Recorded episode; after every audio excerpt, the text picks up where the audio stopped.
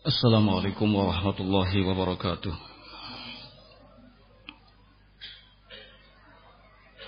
Innal hamdalillah nahmaduhu ta'ala wa nasta'inuhu wa nastaghfiruh wa na'udzu billahi min shururi anfusina wa sayyiati a'malina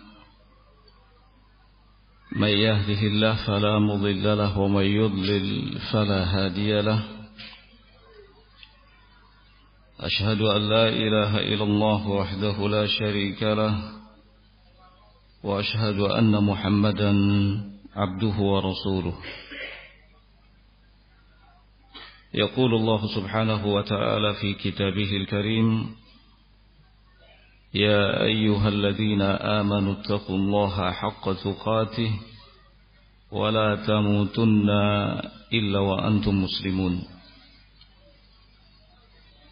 يا أيها الناس اتقوا ربكم الذي خلقكم من نفس واحدة وخلق منها زوجها وبث منهما رجالا كثيرا ونساء واتقوا الله الذي تساءلون به والأرحام إن الله كان عليكم رقيبا يا أيها الذين آمنوا اتقوا الله وقولوا قولا سديدا يصلح لكم أعمالكم ويغفر لكم ذنوبكم. ومن يطع الله ورسوله فقد فاز فوزا عظيما. أما بعد فإن أصدق الحديث كلام الله تعالى وخير الهدي هدي محمد صلى الله عليه وعلى آله وسلم. وشر الأمور محدثاتها فإن كل محدثة في دين الله بدعة وكل بدعة ضلالة وكل ضلالة في النار. إخواني في الدين رحمني ورحمكم الله. الحمد لله بج شكر كتابا جدا كهادرة الله سبحانه وتعالى yang telah kembali mempertemukan kita dalam kegiatan kajian ilmiah dan semoga Allah Subhanahu wa taala menjadikan kegiatan ini sebagai amal ibadah yang akan diterima di sisinya. Adapun tema kajian kita kali ini seperti yang tadi sudah disampaikan yaitu kokoh di atas manhaj nabawi. Ikhwani fi din rahimakumullah. Kokoh di atas manhaj nabawi artinya adalah berpegang teguh dengan seluruh ajaran Nabi sallallahu alaihi wa ala alihi wasallam. Baik yang berhubungan dengan masalah furu'iyah atau sekunder maupun yang berhubungan dengan masalah usul atau prinsipil. Hal ini didasarkan pada firman Allah Subhanahu wa taala yang bunyinya Ya ayyuhalladzina amanu dkhulu fis silmi kafah. Wahai orang-orang yang beriman masuklah kalian semua ke dalam Islam secara menyeluruh. Maka dari sekian manhaj Nabi sallallahu alaihi wa ala alihi wasallam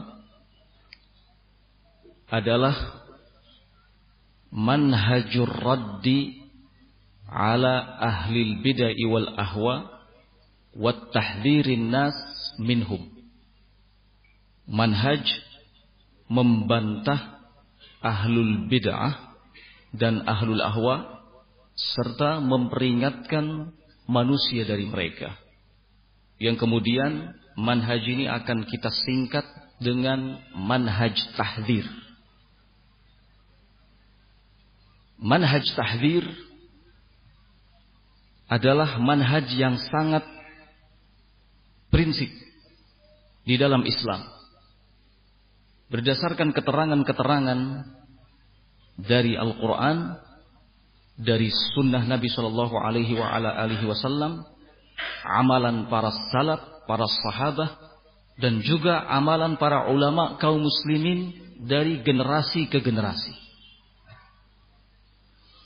Tidak ada yang meremehkan dan melecehkan manhaj ini kecuali satu dari dua golongan.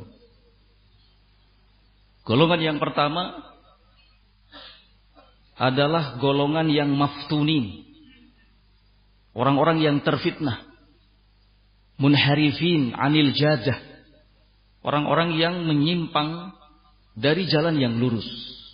Ini golongan pertama. Kemudian golongan yang kedua adalah golongan orang-orang yang jahil. Yang sangat butuh kepada alat tulis. Membutuhkan buku catatan dan pulpen supaya bisa belajar.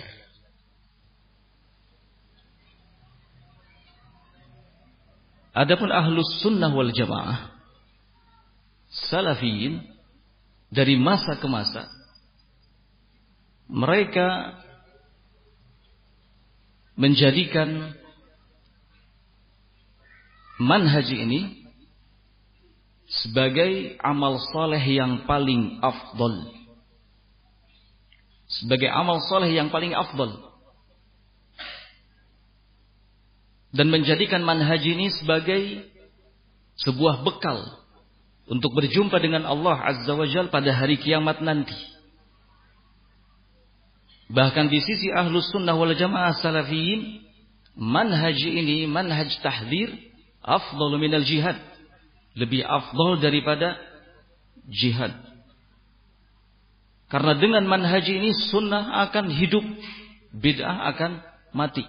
Dengan manhaji ini yang hak akan nampak dan yang batil akan hancur. Syekhul Islam Ibnu Taimiyah rahimahullahu taala sebagaimana dalam Majmu'ul Fatawa beliau mengatakan ar-raddu ala ahli bid'ah mujahid. Ar-radd ala ahli bid'ah mujahid. Orang yang membantah ahlul bid'ah adalah mujahid. Orang yang berjuang di jalan Allah Azza wa Jal. Hatta kana Yahya bin Yahya yaqul sampai-sampai Imam Yahya bin Yahya mengatakan ad-dabbu 'anis sunnati afdalu minal jihad. Membela sunnah itu jauh lebih afdal daripada jihad. Oleh karena itu ikhwani fiddin rahimani wa rahimakumullah para salaf dahulu mereka mencurigai siapa saja yang mencibir manhaj tahdir. Mereka mencurigai siapa saja yang melecehkan, meremehkan, menyepelekan manhaj tahdir. Imam Ahmad rahimahullahu taala Sebagaimana yang dikutip oleh Imam Az-Zahabi dalam kitab Syiarul Alam An-Nubala. Ya, Syiarul Alam An-Nubala. Kata Imam Ahmad rahimahullahu taala, "Idza ra'aita ar-rajula yaghmizu Hammad ibn Salamah, fattahimhu 'ala al-Islam." Kalau engkau mendapati ada seseorang yang mencibir Hamad bin Salamah, maka curigailah keislamannya. Kenapa? Fa'innahu kana syadidan 'alal mubtadi'ah. Karena Hamad bin Salamah adalah orang yang dikenal begitu keras sikapnya terhadap ahlul bid'ah. Ini menunjukkan kalau ada orang yang mencibir Hamad bin Salamah berarti mencibir apa yang dilakukan oleh Hamad bin Salamah. Nah. Maka fattahimhu alal Islam, curigai apanya? Keislamannya. Ikhwani fiddin rahimani wa rahimakumullah. manhaj tahdir membantah ahli bidah, ahli ahwa dan memperingatkan manusia dari mereka adalah sesuatu yang akan menjaga kemurnian Islam. Sesuatu yang akan menjaga kemurnian syariat Allah Azza wa Jal. Tanpa manhaj ini, maka orang akan bebas berbicara tentang Islam. Tanpa ada manhaj ini, maka akan terjadi percampuran antara yang batil dengan yang hak.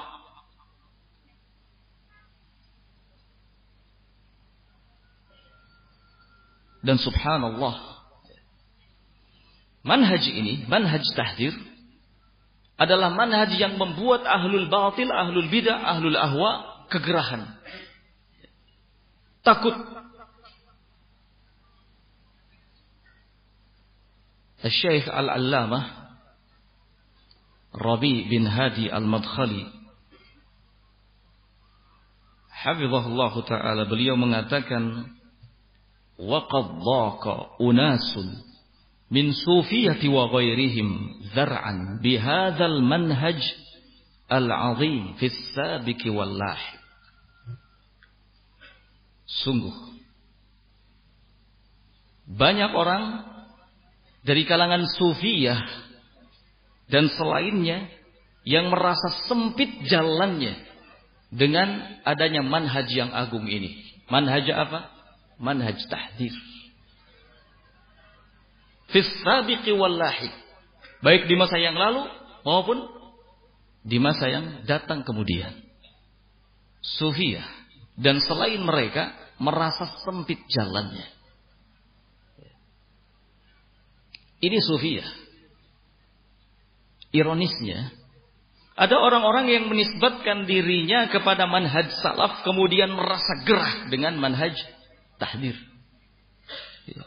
Merasa gerah dengan manhaj tahdir, pobi mendengar kata-kata tahdir. Ketakutan mendengar kata-kata tahdir. Ya. Setiap kali dikatakan tahdir, takut mengatakan Erikman. Amit-amit jabang bayi. Takut. Enggak setuju. Padahal menisbatkan dirinya kepada manhaj salaf. Seperti yang terjadi pada tokoh-tokoh sururiyun. Da'i-da'i roja. Alergi mendengar kata-kata tahdir. Salah satu contoh yang konkret dalam hal ini adalah apa yang dikemukakan oleh Piranda, seorang doktor. Doktor Piranda. Dia mengatakan bahwa orang-orang yang menegakkan dan menerapkan manhaj tahdir itu seperti seekor ular yang memakan dirinya sendiri. Ular itu kalau sudah habis makanannya, maka ia akan memakan dirinya sendiri. Demikian juga orang-orang yang menerapkan manhaj tahdir. Kalau sudah habis orang yang akan bisa ditahdirnya, maka akan mentahdir teman-temannya sendiri. Logika yang murahan. Logika yang saya kira nggak pantas keluar dari seorang dokter. Kita tidak perlu membahas tahdirnya. Kita bahas saja so soal ularnya. Sampai detik ini nggak pernah ada ular yang memakan dirinya sendiri. Nggak ada. Dari sisi itu saja sudah jelas kelihatan lemahnya. Ironis. Kalau ada orang yang menisbatkan kepada manhaj salaf mengikuti dakwah salaf katanya tetapi alergi dengan kata-kata tahdir. Padahal manhaj tahdir adalah manhaj Nabi sallallahu alaihi wa ala alihi wasallam.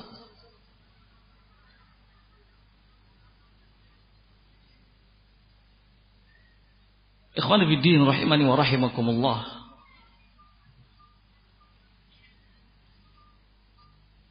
Orang-orang yang takut dengan tahdir, dengan manhaj ini, mereka kemudian menyebarkan berbagai macam syubhat terkait dengan manhaj tahdir ini. Ini akan kita bahas. Syubhat-syubhat ini yang akan kita bahas pada kesempatan ini.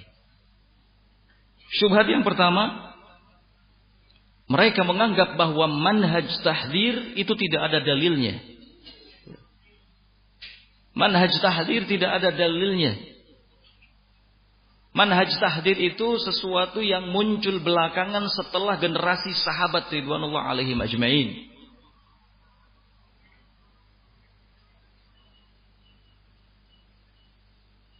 Siapa di antara yang mengatakan demikian?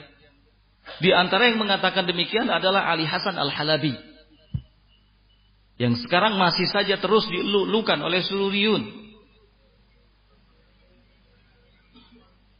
Rojaiyun. Masih saja dianggap sebagai seorang alim yang patut dijadikan sebagai rujukan.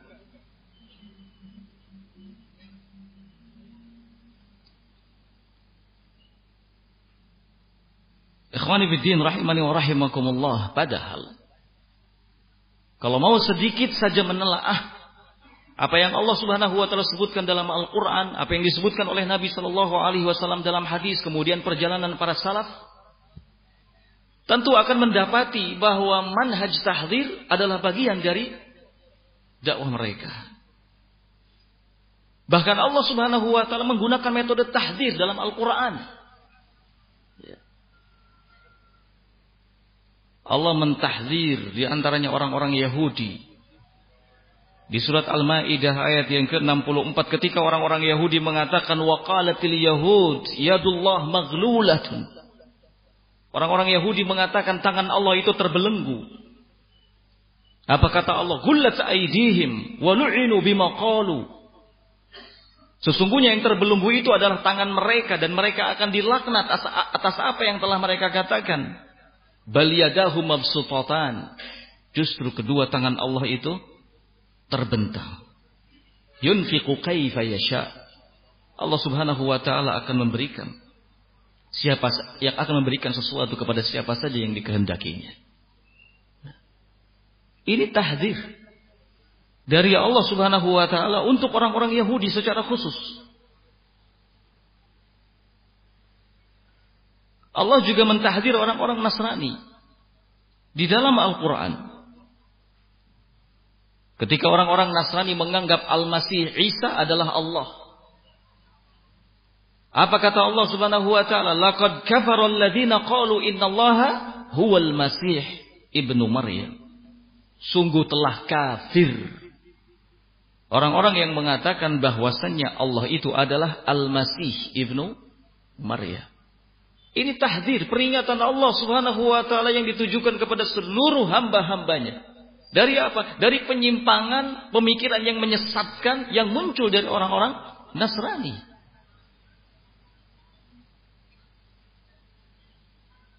Di ayat yang lain Allah Subhanahu wa taala mentahdir orang-orang Yahudi dan Nasrani secara bersamaan. Ketika mereka mengklaim kalau surga adalah milik mereka. Kata Allah Subhanahu wa taala wa qalu la yadkhulul jannata illa man kana hudan aw nasara. Mereka orang-orang Yahudi mengatakan gak akan ada yang bisa masuk surga kecuali yang beragama Yahudi dan Nasrani ditahdir oleh Allah Subhanahu wa taala. Tilka amaniyuhum.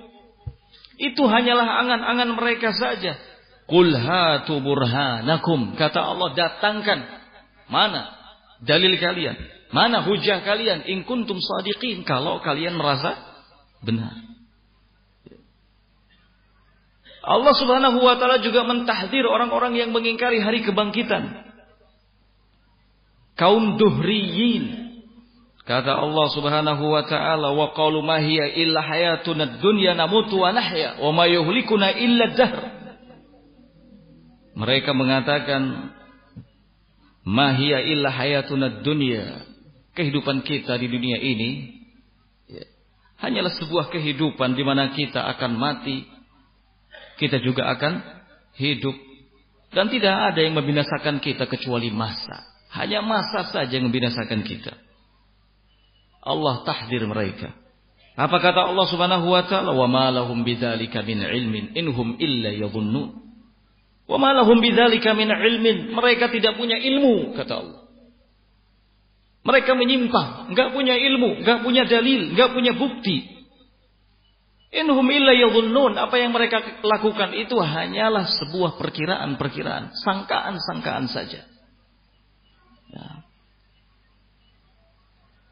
Ikhwani fiddin rahimani wa rahimakumullah.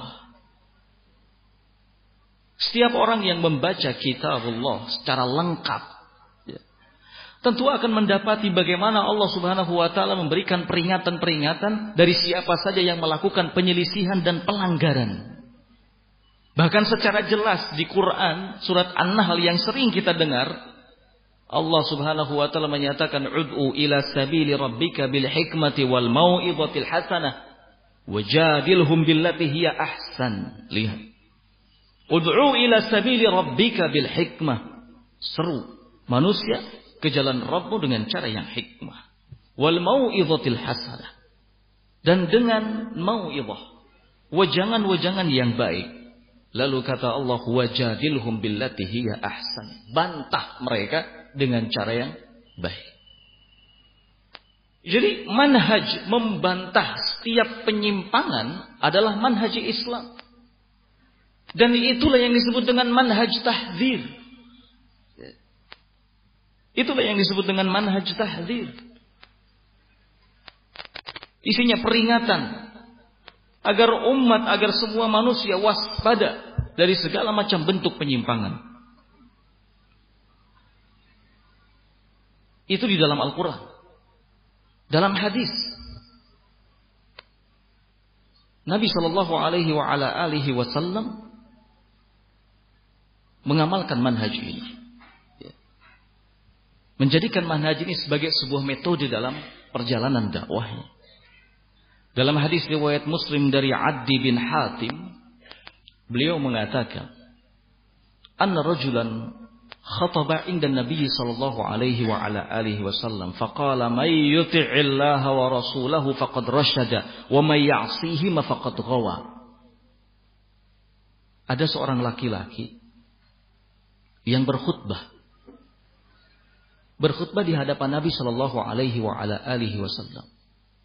Dalam khutbahnya si laki-laki itu mengatakan, "May yuti'illaha wa rasulah." Barang siapa yang taat kepada Allah dan Rasulnya, maka sungguh ia telah mendapatkan petunjuk. Tidak ada yang salah. Benar. Kemudian kata dia, "Wa may ya'sihima." Dan barang siapa yang bermaksiat kepada keduanya.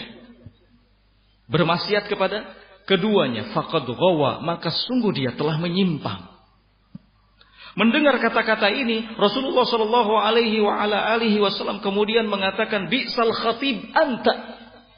Kamu adalah sejelek-jelek khatib. Ditahdir. Diperingatkan oleh Nabi Sallallahu Alaihi Wasallam, kamu adalah sejelek-jelek khatib. Lalu apa kata Nabi? Kul katakan olehmu, wa may wa rasulah. Dan barang siapa yang bermaksiat kepada Allah dan Rasulnya. Jangan kamu katakan barang siapa yang bermaksiat kepada keduanya. Coba, kesalahannya hanya itu. Harusnya si laki-laki tadi mengatakan barang siapa yang bermaksiat kepada Allah dan Rasulnya.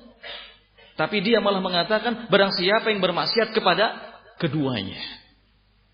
Gak boleh pakai domir. Disebutkan secara rinci. Karena ini perkara yang penting. Bermaksiat kepada Allah adalah hal yang besar. Bermaksiat kepada Rasul SAW juga sama hal yang besar. Sehingga harus disebutkan secara rinci. Jangan mengatakan barang siapa yang bermaksiat kepada keduanya. Tapi katakan barang siapa yang bermaksiat kepada Allah dan Rasulnya. Lihat. Hanya itu. Ditegur, diperingatkan, ditahdir oleh Nabi Wasallam. Manhaj tahdir.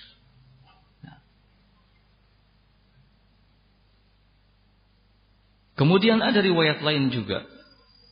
Dikeluarkan oleh Imam Al-Bukhari, sebuah riwayat yang kita juga sering mendengar hadis ini atau riwayat hadis ini. Soal kedatangan tiga orang ke rumah-rumah istri Nabi Shallallahu Alaihi Wasallam. Bertanya tentang bagaimana cara ibadah Nabi Shallallahu Alaihi wa ala alihi wasallam. Setelah mereka semua tahu, akhirnya mereka menganggap bahwa selama ini apa yang telah mereka lakukan dari ibadah itu sangat kurang, gak sebanding dengan apa yang dilakukan oleh Nabi Shallallahu Alaihi wa ala alihi Wasallam dalam ibadahnya. Maka yang satu bertekad untuk terus-terusan berpuasa dan tidak berbuka. Yang kedua bertekad untuk terus-terusan sholat malam dan tidak akan tidur. Yang berikutnya yang ketiga bertekad untuk menjauhi wanita alias tidak menikah. Demi apa? Demi konsentrasi melakukan ibadah. Ini sebuah kekeliruan. Ini sebuah penyimpangan. Ini sebuah kesalahan. Tidak dibiarkan oleh Nabi SAW. Dipanggil oleh Nabi ketika berita atau khobar tentang mereka sampai kepada beliau Sallallahu Alaihi Wasallam dipanggil oleh beliau. Kemari. Kalian tadi yang mengatakan ini, ini, ini, mereka semua menjawab iya. Lalu kata Nabi Shallallahu Alaihi Wasallam ketahuilah, gak ada yang paling bertakwa di antara kalian kepada Allah selain dari aku. Tapi nyatanya aku berpuasa, aku berbuka, aku salat malam, aku tidur dan aku menikahi para wanita. Ini sama. Manhaj tahdir. Peringatan. Dan coba perhatikan, apakah tahdir-tahdir yang dilakukan oleh Nabi Shallallahu Alaihi Wasallam ini nyatanya tidak ditujukan kepada ahlul bidah? Ternyata tidak. Semua yang ditahdir oleh Nabi Wasallam tadi adalah orang-orang yang baik. Tapi melakukan kesalahan, ada kekeliruan, ada fikroh yang menyimpang. Ditahdir oleh Nabi Wasallam. Apalagi ahlul bidah. Ya. Orang-orang yang menyimpang secara akidah, secara manhaj. Ya. Ikhwani rahimani wa rahimakumullah. Para salaf dalam hal ini para sahabat, mereka juga mengamalkan manhaj ini. Sahabat Ibnu Abbas radhiyallahu taala anhum mentahdir orang-orang Khawarij. Ma'ruf kisahnya. Sahabat Ibnu Umar mentahdir golongan Qadariyah. Sahabat Anas, sahabat Abu Sa'id Al-Khudri dan sahabat-sahabat yang lainnya tidak pernah membiarkan ada sesuatu yang bertentangan dengan petunjuk Nabi Shallallahu alaihi wasallam. Ketika ada beberapa orang yang justru dahulu itu memulai khutbah ketika sholat id, baru kemudian sholat, maka sahabat Anas, sahabat Abu Sa'id Al-Khudri tidak membiarkan. Keduanya memperingatkan ya, perbuatan itu. Mentahdir siapa saja yang melakukan perbuatan itu. Ini para sahabat. Demikian juga amalan para ulama al-muslimin dari masa ke masa. Sama seperti itu.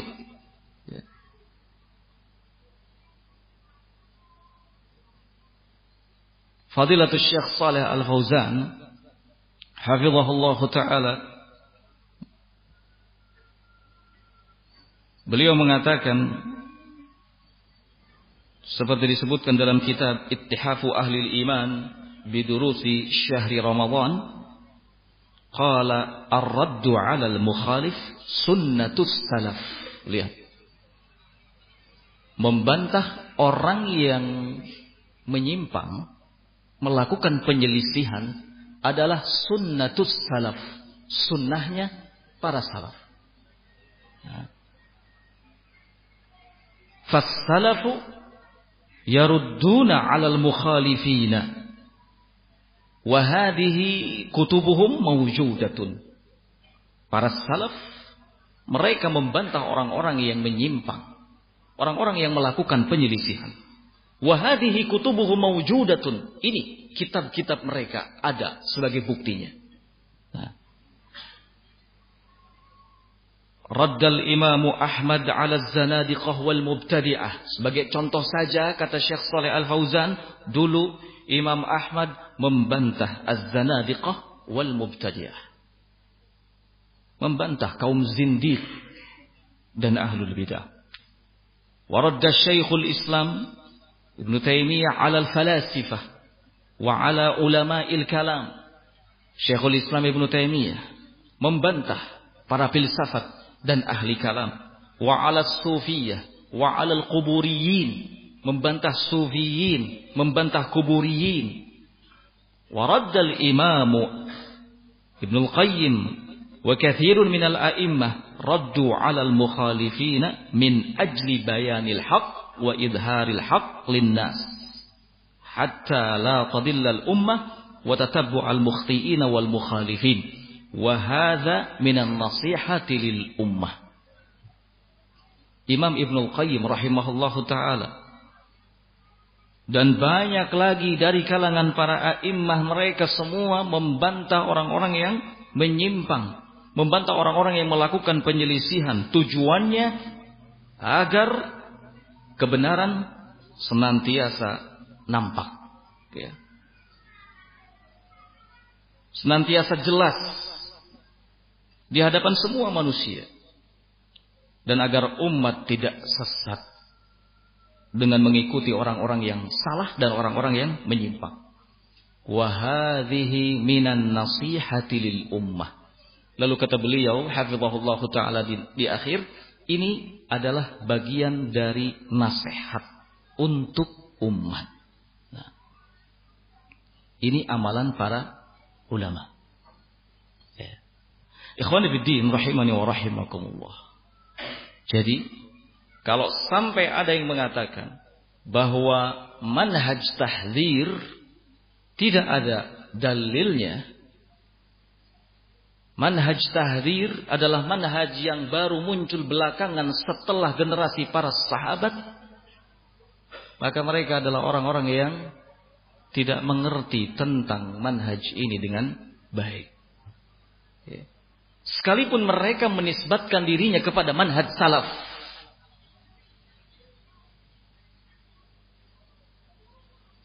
Karena yang dimaukan adalah pembuktian. Yang dimaukan adalah realnya. Bukan klaim. Bukan sekedar pengakuan. Berapa banyak orang-orang yang mengaku dirinya sebagai salafi tetapi tidak berjalan di atas manhaj salaf billah. Berikutnya syubhat yang kedua. Seputar manhaj tahdzir. Mereka mengatakan bahwa manhaj tahdzir minal ghibatil muharramah termasuk dari gibah yang diharamkan. Orang yang melakukan atau mengamalkan manhaj tahdir adalah orang-orang yang jauh dari kata warok dan takwa kepada Allah Azza wa Jalla.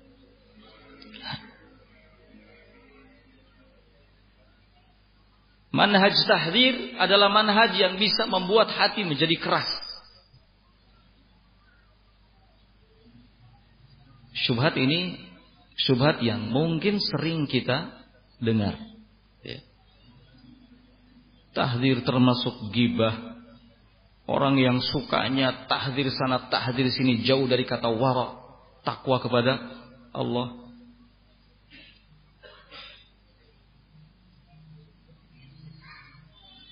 Perlu untuk kita ketahui bahwa manhaj tahdir Laisa minal ghibah al-muharramah. Manhaj tahdir itu bukanlah gibah yang diharamkan. Bukanlah gibah yang diharamkan. Akan tetapi manhaj tahdir adalah bagian dari al-amru bil ma'ruf wan nahyi 'anil munkar, amar ma'ruf dan nahi munkar.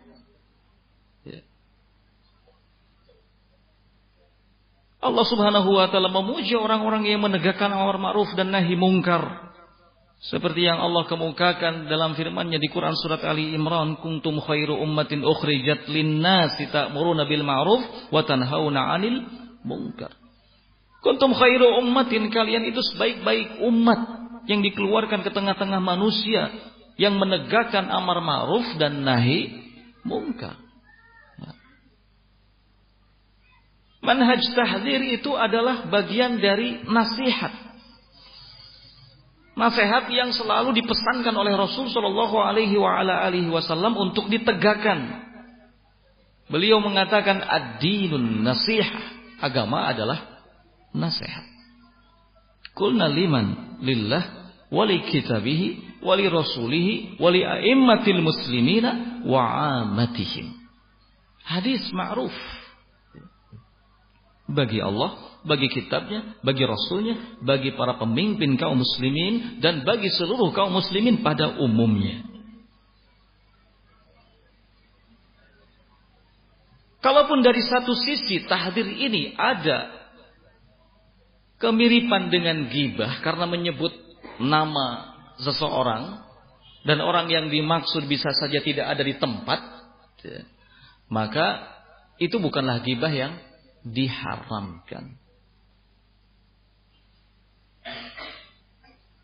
Bukti yang menunjukkan hal ini adalah pernyataan para a'immah. Seperti pernyataan Imam As-San'ani rahimahullahu taala. Kata Imam As-San'ani rahimahullahu taala wa jama'aha al-khisal allati la tu'addu min al-ghibah Ibnu Abi Syarif. Ibnu Abi Syarif telah mengumpulkan perkara-perkara yang tidak masuk dalam kategori gibah.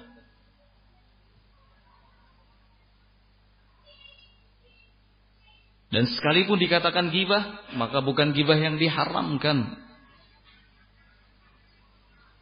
Di antara perkara-perkara tersebut adalah bi ghibatin fi sittatin.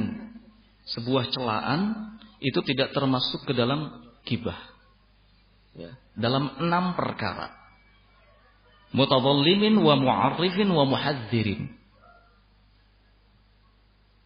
Di antaranya adalah mutadhallim. Seseorang yang mengajukan keboliman yang dilakukan oleh orang lain. Wa mu'arrifin, seseorang yang ingin tahu tentang keadaan orang lain. Wa muhadzirin, dan seseorang yang mengingatkan, memperingatkan dari bahaya orang lain. Walimudhiri fisqan, dan seseorang yang menyebut-nyebut seseorang yang terang-terangan melakukan kefasikan. Wa mustaftin dan seseorang yang meminta fatwa.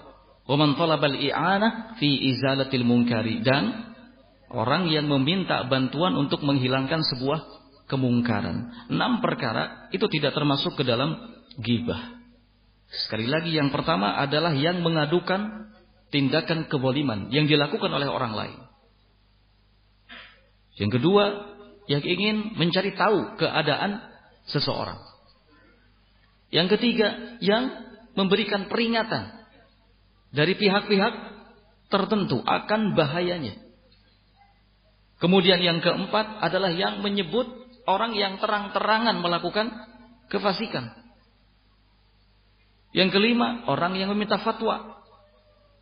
Ada seseorang datang meminta fatwa, mungkin saja menyebut pihak yang ketiga ini tidak termasuk gibah. Dan yang terakhir adalah yang meminta bantuan untuk menghilangkan apa? Kemungkaran. Nah. Ikhwani bidin rahimani wa rahimakumullah.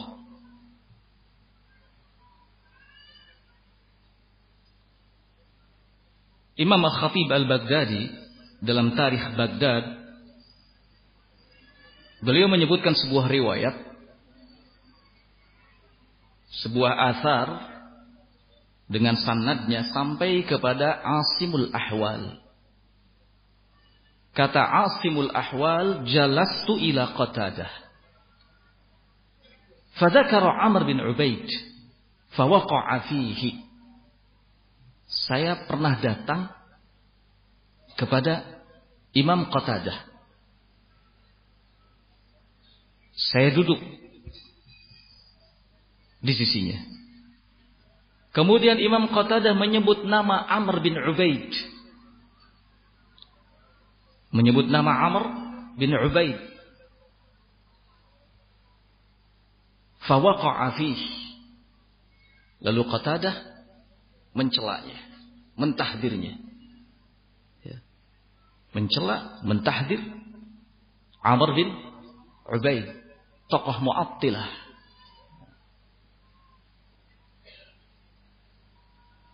Faqultu ya Abul Khattab, ala ara al-ulama yaqa'u ba'dhum fi ba'dhin. Kemudian kata Asimul Ahwal, wahai Abul Khattab, Abul Khattab adalah kunyah Qatadah. Wahai Abul Khattab, ya. mengapa aku masih saja sering melihat ada ulama sebagiannya mencela sebagian yang lainnya. Faqala maka Qatadah menjawab ya ahwal wahai ahwal Awala tadri anna ar-rajula idza ibtada'a bid'atan fayambaghi laha an tudkar hatta tuhzar. Wahai ahwal, tidakkah engkau tahu jika ada seseorang melakukan sebuah kebid'ahan, fayambaghi laha an tudkar maka harus disebutkan Kebidaannya apa dan siapa orangnya? Hatta tuhdar sehingga diwaspadai. Ya.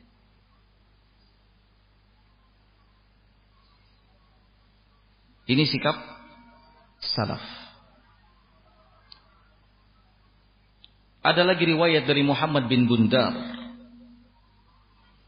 Dia mengatakan qultu li Ahmad ibn Hanbal Innahu la yashtaddu alayya an aqul fulanun dha'if, fulanun kadzdzab. Qala Ahmad idza sakatta anta wa sakattu ana famata ya'riful jahil as-sahiha min as-saqim. Kata Muhammad bin Bundar, saya berkata kepada Ahmad bin Hambal, sungguh berat bagi saya untuk mengatakan fulan dhaif. Si fulan pendusta. Berat bagi saya, kata Muhammad bin Bundar. Jadi kalau bicara soal perasaan, ya, sesungguhnya jelas mencela orang lain, ya, membicarakan orang lain, memperingatkan orang lain, itu sesuatu yang berat. Dan kalau bicara soal perasaan, maka orang-orang dulu juga biasa menggunakan perasaannya. Apa kata Imam Ahmad rahimahullah taala ketika Muhammad bin Bundar mengatakan hal yang demikian? Kata Imam Ahmad rahimahullah taala, "Idza sakata anta wa sakattu ana." Kalau engkau diam dan aku diam, maka ya'riful jahilu as-sahiha minas sakim. Kapan orang bodoh, orang yang tidak tahu akan mengerti mana yang benar, mana yang salah. Mana yang sahih dari hadis, mana yang dhaif dari hadis.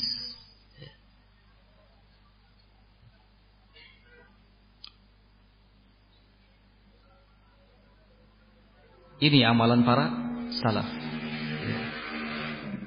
Mereka sama sekali tidak menganggap ini bagian dari riba. Ya.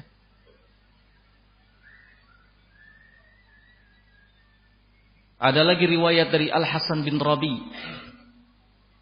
Kata Al Hasan bin Rabi, qala Ibnu Mubarak al-Mu'alla bin Hilal huwa illa annahu idza jaa al-hadis yakdzibu. Kata Imam Ibnu Mubarak, Mu'alla bin Hilal dia sebenarnya orangnya baik. Illa annahu idza al hadis yakdzib. Tapi kalau dia membawakan sebuah hadis, dia selalu saja berdusta. Ini tahdir. Ya. Ini peringatan yang dilakukan oleh salaf. Bahkan Imam Syu'bah rahimahullahu taala sampai menyebut tahdir dengan gibah. Saking apanya? Saking ingin menjelaskan kepada semua orang kalau ini bukan gibah. Kalaupun dikatakan gibah, maka ini gibah yang dibolehkan dan harus. Diriwayatkan dari Abu Yazid Al-Ansari An-Nahwi dalam kitab Al-Kifayah fi ilmi riwayah. Abu Zaid Al-Ansari mengatakan ataina syu'bah yauma matarin. Pada hari turunnya hujan, ya, kami datang kepada Syu'bah. Ketika sudah sampai di hadapannya, di kediamannya, apa kata Syu'bah? Laisa hadza yaumun hadis. Hari ini bukan hari untuk menyampaikan hadis. Al-yaum yaum gibah. Hari ini adalah hari untuk kita bergibah. Ta'alau. Kata Imam Syubah. Mari, sini. Ayo kita berkumpul. Hatta nagtab al-kadzabin. Sampai kita membicarakan, menggibah para pendusta.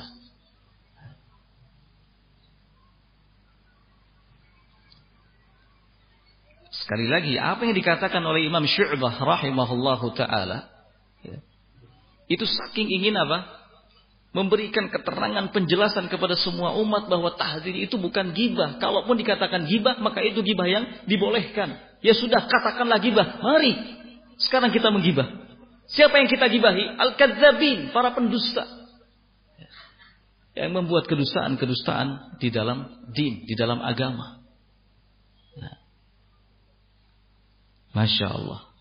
Seperti ini pengamalan para salaf kita. Rahimahumullah. Jadi tidak benar. Kalau manhaj tahdir dikatakan gibah.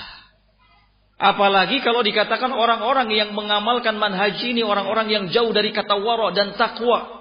Antum bisa lihat contoh-contoh yang dikemukakan tadi. Para ulama, para alim yang ketakwaannya sudah tidak perlu lagi dipertanyakan.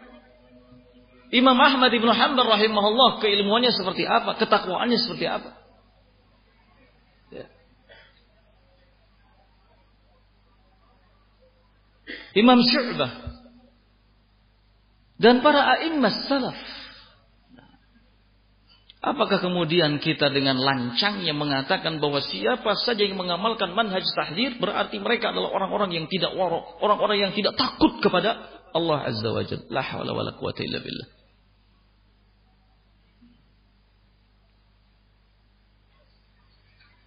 Ada lagi yang mencibir dengan mengatakan, oh salafi ahlu sunnah yang ini itu kegiatannya tahdir terus.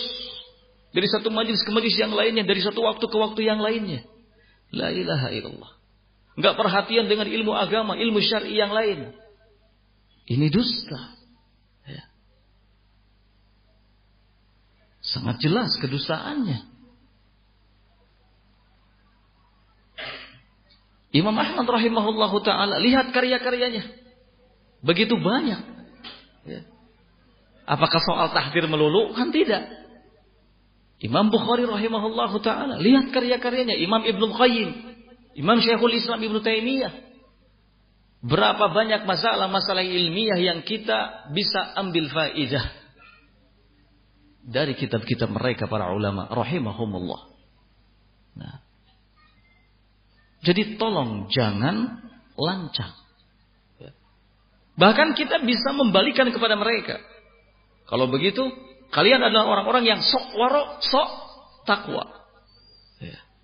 Kalian adalah orang-orang yang mengklaim bahwa diri kalian lebih waro, lebih takwa daripada para salaf. Ya.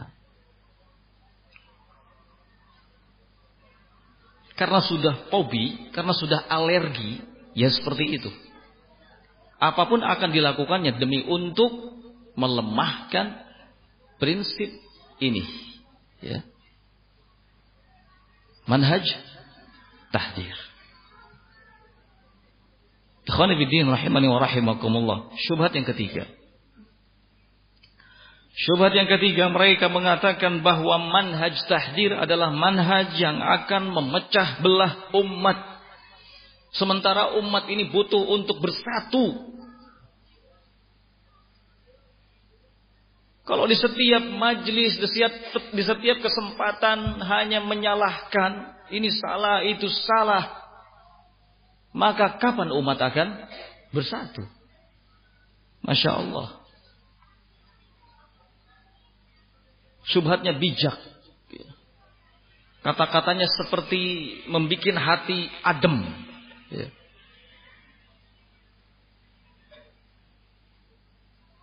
Dan tidak setiap kata-kata yang seolah dari luar tampak bikin hati adem itu kata-kata yang hak. Ingat. Karena kebatilan itu di zaman sekarang dikemas demikian rupa sehingga tampilannya menjadi sesuatu yang menyenangkan. Hati-hati. Nabi SAW sudah mengingatkan kepada kita bahwa akan datang suatu zaman. akan datang suatu zaman di mana segalanya akan terbalik. Segalanya akan terbalik. Yang baik bisa dianggap menjadi yang batil, yang batil bisa dianggap menjadi sesuatu yang baik. Pendusta dibenarkan, dianggap jujur, yang jujur didustakan. Pengkhianat dianggap sebagai orang yang amanat, sedangkan orang yang amanat dianggap sebagai pengkhianat. Kata Nabi Shallallahu Alaihi Wasallam inilah yang disebut dengan sanawat khadaat, tahun-tahun yang penuh dengan tipuan. Zaman kita sekarang ini, tahun-tahun yang penuh dengan tipuan, banyak sekali tipu daya, trik-trik, statement-statement yang menyesatkan. Coba. Pernyataan-pernyataan yang bisa memunculkan keraguan-raguan terhadap Al-Quran bahkan terhadap hadis Nabi Shallallahu Alaihi Wasallam wal billah. Maka salafiyin ahlu sunnah wal jamaah sangat butuh sekali di masa sekarang ini untuk tetap menjaga dan menegakkan manhaj tahdir. Karena hanya dengan ini akan terpisah antara yang hak dengan yang batil. Umat jadi akan tahu Mana yang hak, mana yang batil, mana yang sunnah, mana yang bid'ah. Mana yang syirik, mana yang tauhid. Dalam syubhat yang ketiga, mereka mengatakan bahwa manhaj tahdir adalah manhaj yang akan memecah belah umat. Ya. Sementara umat itu butuh kepada persatuan dan kesatuan. Nah. Ikhwani fiddin rahimani wa rahimakumullah. Soal persatuan dan kesatuan adalah perkara yang jelas. Perkara yang jelas. Perkara yang memang sudah seharusnya itu diwujudkan. Tetapi persatuan dan kesatuan di atas apa dulu? Yang harus diwujudkan itu adalah persatuan dan kesatuan alal haq di atas kebenaran. Alladhi ja'at bihir rusul yang dibawa oleh para rasul. Ini bukan persatuan dan kesatuan di atas perkara-perkara yang baru yang dibikin, yang disebarluaskan oleh ahlul ahwa, ahlul bidah. Bukan persatuan dan kesatuan di atas logika, di atas akal. Bukan itu yang dimaukan oleh Allah.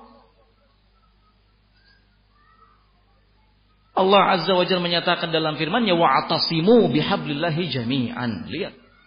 Dan berpegang teguhlah kalian semua kepada tali Allah. Wala tafarraqu dan jangan bercerai-berai. Berpegang teguh, bersatu dengan hablullah, tali Allah. Nah.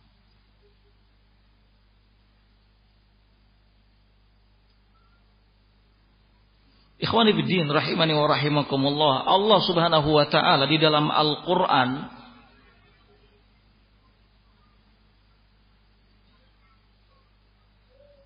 memerintahkan kepada kita agar kita menyeru ahli kitab, mengajak ahli kitab untuk bersatu ala kalimatin sawa di atas kalimat tauhid. Lihat. Persatuan ini yang dikehendaki oleh Allah di Quran surat Ali Imran. Allah Subhanahu wa taala berfirman, "Qul ya ahlal kitab, ta'alu ila kalimatin sawa." bainana wa bainakum. Katakan oleh wahai Muhammad, ya ahlal kitab, hei ahlul kitab. Ta'alau, mari. Mari kita bersatu. Mari kita bersama-sama. Ila kalimatin sawa. Berpegang teguh kepada kalimat yang sawa. Kalimat yang sama. Kalimat yang satu. Kalimat yang benar. Apa itu? Kalimatut tauhid. Bainana wa bainakum yang kita pegang bersama. Allah na'budu illallah. Sebagai rincian dari kalimat itu adalah kita tidak beribadah kecuali kepada Allah. Wala nusyriku bihi syai'a dan kita tidak menyekutukannya dengan sesuatu apa pun. Wala ba'duna arbaban min dunillah dan jangan sampai sebagian kita menjadikan sebagian yang lain sebagai rob di samping Allah. Ini perintah Allah. Jadi kalau kita mau mengajak bersatu, mau mengajak bersama kepada pihak lain, maka ajaklah mereka untuk bersama dan bersatu di atas kalimat yang sawa. Apa kalimat sawa itu? Kalimat tauhid. Ya. Tidak cuma sekedar bersatu, bersama, bela Islam, bela negara. Di atas apa dulu? Ya. Ada hal yang harus disepakati terlebih dahulu. Ini yang diperintahkan oleh Allah. Ya. Fa'in tawallau kalau mereka berpaling kata Allah, nggak mau, fakulu maka katakan oleh kalian ishadu bi anna muslimun. Saksikanlah bahwa kami adalah muslimin, orang-orang yang berserah diri kepada Allah Azza wa Jalla. Maka ikhwani fid din rahimani wa rahimakumullah ahlu sunnah wal jamaah salafiyin sampai kapan pun tidak akan pernah diam dari kebatilan. Tidak akan pernah diam dari kebatilan. Hanya karena ingin mencapai sebuah kemaslahatan dalam kebersamaan. Ya. Ahlu sunnah salafiyin gak akan pernah diam dari kebatilan. Hanya karena ingin mencapai sebuah kemaslahatan berupa apa? kebersamaan. Gak ada ceritanya. Itu bukan manhaj ahlu sunnah, bukan manhaj salafi. Hanya untuk menggapai sebuah kebersamaan, kemudian melupakan sekian banyak kebatilan yang ada. Gak bisa. Ya. Kalau kita ingin bersama, maka semua kebatilan-kebatilan ini harus dikikis habis. Harus diselesaikan dulu. Kalau sudah selesai, dengan sendirinya akan bersatu. Karena semua akan berpegang pada apa? Pada al-haq. Ya. Kalau bersatu bersama sementara kebatilan masih beredar, masih ada dalam diri orang-orang yang bersatu, maka persatuannya hanyalah seperti apa yang disebutkan oleh Allah, tahsabuhum jami'an wa qulubuhum syatta. Kamu kira mereka itu bersatu, padahal sesungguhnya mereka berbeda-beda. Kalau lihat kumpulannya sih Masya Allah. Puluhan juta umat manusia. Ya. Bahkan ratusan juta umat manusia bisa berkumpul itu. Iya. Kalau ngelihat jumlahnya. Tapi qulubuhum syatta. Hati mereka itu berbeda-beda. Kenapa? Karena setiap kepala ada keinginan, punya kepentingan.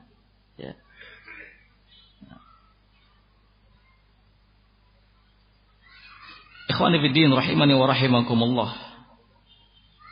Kalau bicara soal maslahat, maka maslahat yang paling besar itu adalah ketika ada di atas kebenaran. Ini maslahat yang paling besar. Sekalipun kita sendirian, maka itulah maslahat yang paling besar. Nah.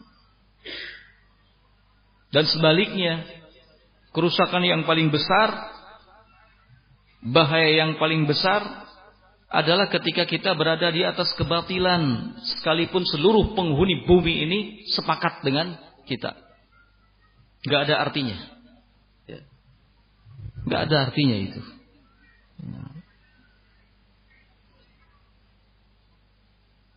Oleh karena itu para ulama mengingatkan kepada kita agar berhati-hati dari sebuah kaidah. Dari sebuah kaidah yang masyhur, kaidah yang ma'ruf kaidah ikhwaniyah nata'awan fi mattafaqna. Nata'awan fi mattafaqna wa ya'dhar ba'duna ba'dan fi makhtalafna fihi. Kita saling dukung dalam perkara yang kita sepakati. Dan sebagian kita harus memberikan udur kepada sebagian yang lain dalam perkara yang kita berselisih di dalamnya.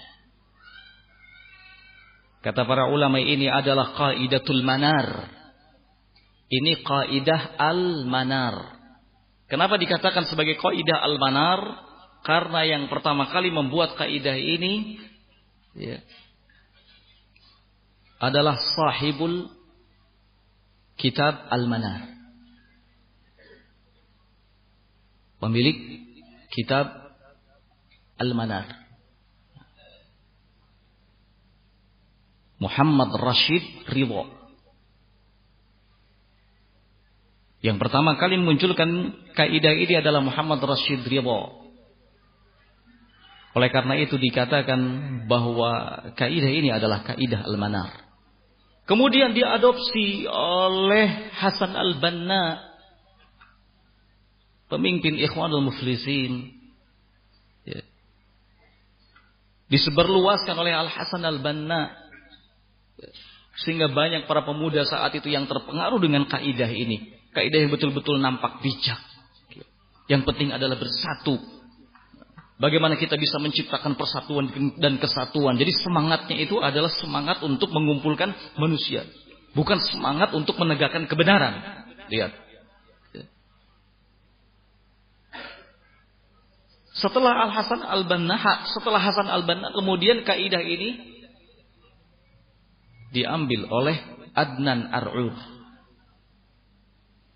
Kaidah ini diambil oleh Adnan Ar'ur dikemas bahasanya dengan bahasa yang lain. Adnan Ar'ur kemudian mengatakan Iza hakamta hukimta wa iza da'auta ujirta. Iza hakamta hukimta. Kalau kamu menghakimi, maka kamu akan dihakimi. Tapi kalau kamu mendoakan, maka kamu akan diberi pahala. Lihat. Apa artinya ini? Kalau kamu menghakimi, kamu pasti akan dihakimi. Tapi kalau kamu mendoakan, kamu pasti akan diberi pahala. Artinya, jangan suka nyala-nyalain orang. Hakam tak kamu menghakimi itu artinya kamu menyalahkan orang, kamu mentahdir. Kalau bahasa orang-orang roja, roja yun, dai dai roja, dewasa ini bahkan sudah menyebar di kalangan bawahannya, kalau kita tidak mau ditahdir, maka jangan suka mentahdir. Kalau kita mentahdir, maka kita akan ditahdir. Supaya kita tidak ditahdir, maka jangan mentahdir. Apa bedanya dengan kalimat ini? Idza hakam tahukim tak. Kalau kamu menghakimi, kamu pasti akan dihakimi. Kalau kamu tidak mau dihakimi, jangan sekali-kali menghakimi. Sama dengan apa kaidah ini? Sama dengan nata'awan fi mattafaqna. Kita kerjasama saja dalam perkara yang kita sepakati. Tapi sebagian kita harus memaafkanlah sebagian yang lain dalam perkara-perkara yang kita berselisih di dalamnya. Sama. Gak ada bedanya. Subhanallah. Ya. Di mana pun ya. sururiun, rojaiyun, itu sangat tidak suka dengan istilah tahdir. Saya sudah datang ke hampir banyak tempat itu rata-rata begitu. Alergi dengan tahdir. Mereka sangat benci sekali dengan tahdir.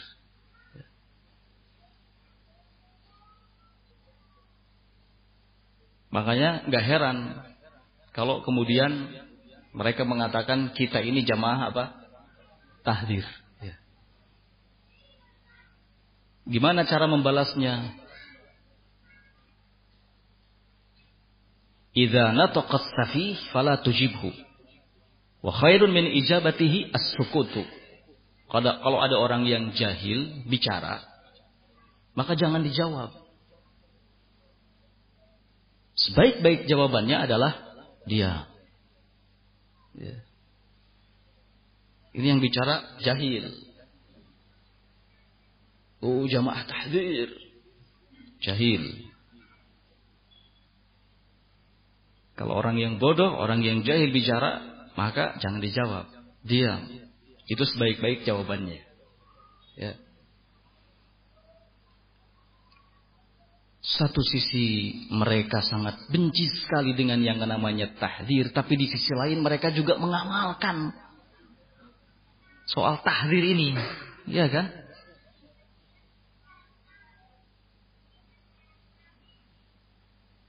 Antum sering dengar Firanda mentahdir bulan, bulan, bulan, bulan. Iya kan? Atau tokoh-tokoh lainnya tahdir ini, tahdir itu. Di satu sisi seperti itu, tapi di sisi lain justru malah menyepelekan, meremehkan manhaj tahdir. Ketika bicara soal ikhwanul muslimin mereka ya, mereka bicara soal ikhwanul muslimin. Apa namanya itu kalau bukan tahdir? Ya. Apa namanya kalau bukan tahdir?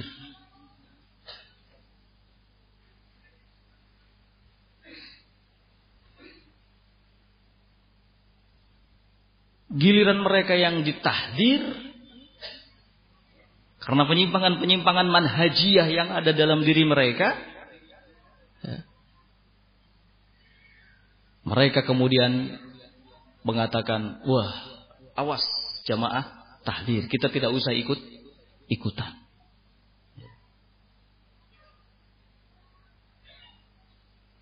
Mereka tidak terima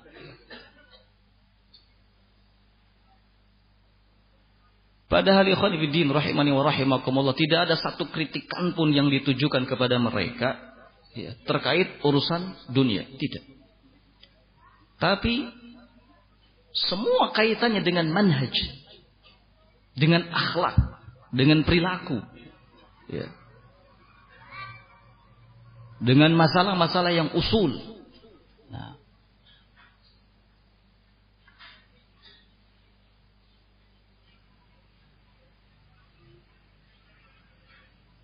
Ketika mereka menolak manhaji ini, maka nampak korelasi yang sangat jelas, hubungan yang sangat jelas dengan ikhwanul muslimin.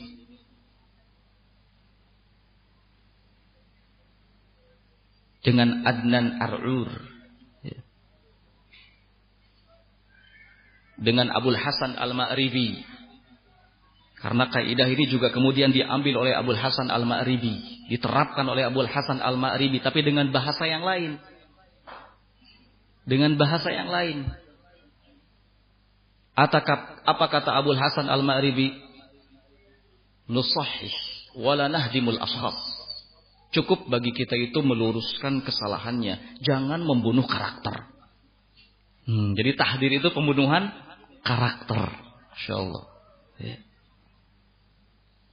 Ini kata-kata Abul Hasan ya, Al-Ma'ribi yang sampai detik ini masih dijadikan rujukan oleh orang-orang Sururi. Ya.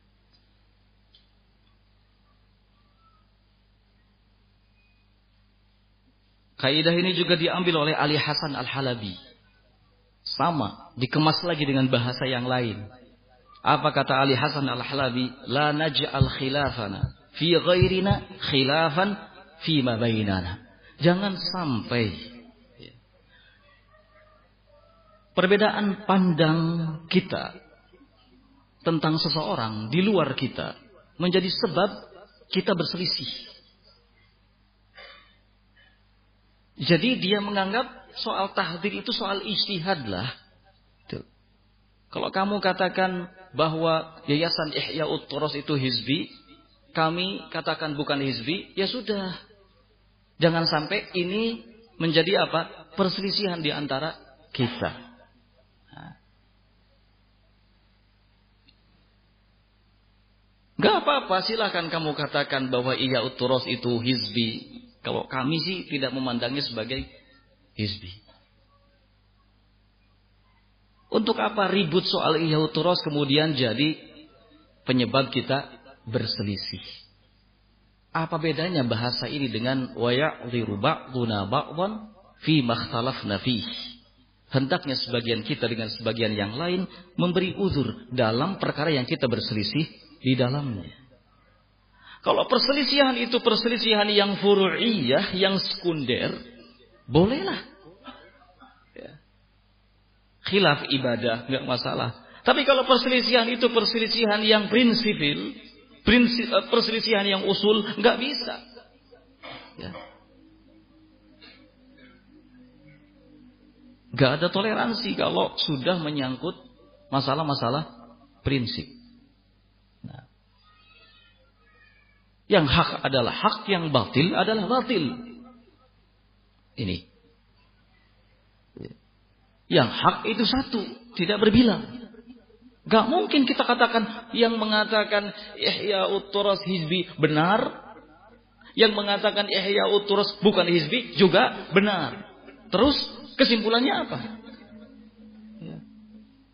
Ini model-model Hizbi. Seperti ini modelnya. Dalam kajian-kajian Hizbi itu begitu. Yang mengamalkan ini boleh. Yang mengamalkan ini juga boleh.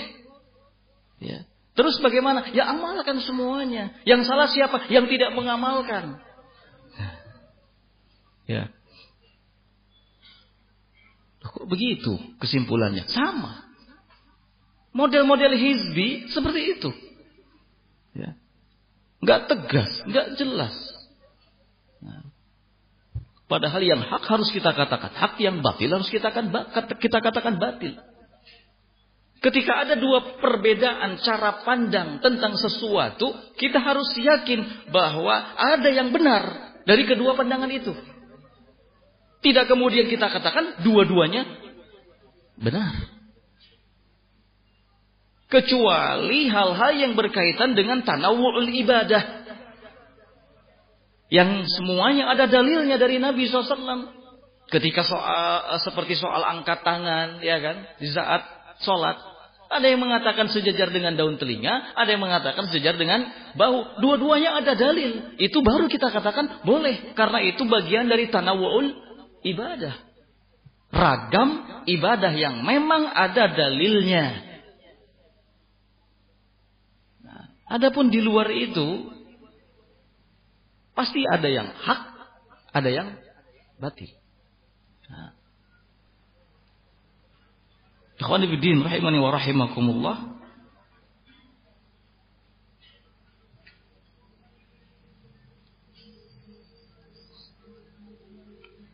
Jadi waspada, ya, hati-hati dengan manhaj ini atau dengan kaidah ini. Kaidah manar. Sanadnya seperti tadi. Ya. Dari Muhammad Rashid Ridho turun ke siapa? Hasan Al-Banna. Dari Hasan Al-Banna turun ke Adnan Ar'ur. Turun lagi ke Abul Hasan. Turun lagi ke Ali Hasan. Ya. Berbeda-beda, tapi sama hakikatnya. Ini juga yang dianut oleh kaum sururiyun. Ya yang tergabung dalam dakwah roja. Ya, kalau sekarang kan kita seringnya bilang rojaiyun gitu. Karena memang jadi ikon mereka kan. Roja ini sekarang jadi ikon mereka. Ya sudah kita sebut saja dengan ikonnya. Ya. Supaya lebih enak gitu kan. Supaya lebih enak dan supaya lebih diketahui oleh banyak orang. Nah, Ikhwan Ibidin rahimani wa rahimakumullah. Yang jadi masalah sekarang. Dan ini adalah hal yang sangat menyedihkan. Ya.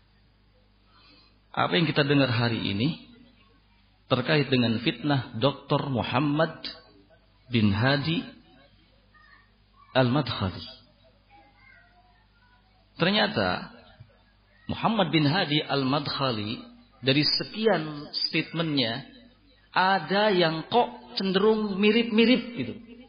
Dengan apa yang disebutkan di atas tadi. Ada yang cenderung mirip-mirip. Ini yang menyedihkan, ini yang mengkhawatirkan. Di antara statement pernyataan Dr. Muhammad bin Hadi yang menyelisihi manhaj salaf adalah beliau doktor mengatakan la tadkhul bainal ulama. Fal alim la yaruddu alaihi illa alim. Jangan ikut campur dalam urusannya para ulama. Gak boleh ada yang membantah seorang alim kecuali seorang alim. Satu. Ya. Yang kedua, Dr. Muhammad bin Hadi mengatakan, "Da'u al-ghibata wanshaghalu fi talabil ilmi." Tinggalkan gibah. Sibukkan diri kalian dengan menuntut ilmu agama. Subhanallah. Apa maksud dari kalimat tinggalkan gibah? Salafiyin, ahlu sunnah wal jamaah itu mengerti kalau gibah itu hukumnya apa? Haram. Berarti ada sesuatu ini dari kalimat gibah ini. Tinggalkan oleh kalian gibah wa fi talabil ilmi dan sibukkan diri kalian dalam menuntut ilmu agama. Yang kedua. Statement yang ketiga, pernyataan yang ketiga dari Dr. Muhammad bin Hadi adalah la tufarriqu an-nas bihada atau bihadhir rudud. Jangan kalian pecah belah umat dengan bantahan-bantahan ini. Jangan kalian bikin umat itu terpecah oleh karena bantahan-bantahan ini. Waliyadzubillah.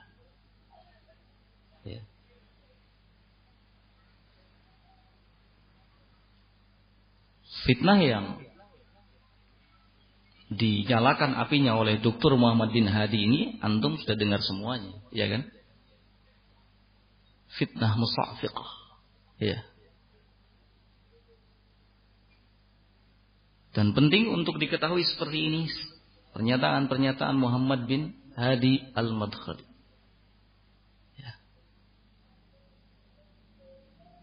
Pernyataan-pernyataan yang membahayakan, pernyataan-pernyataan yang menyelisihi manhaj salaf. Sehingga pernyataan-pernyataan ini mendapatkan reaksi dari para ulama.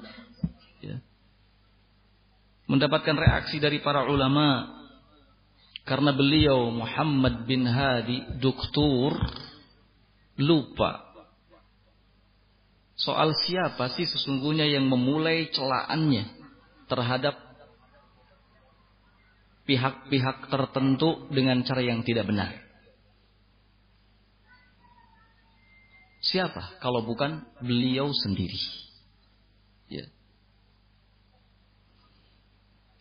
Muhammad bin Hadi ini lupa.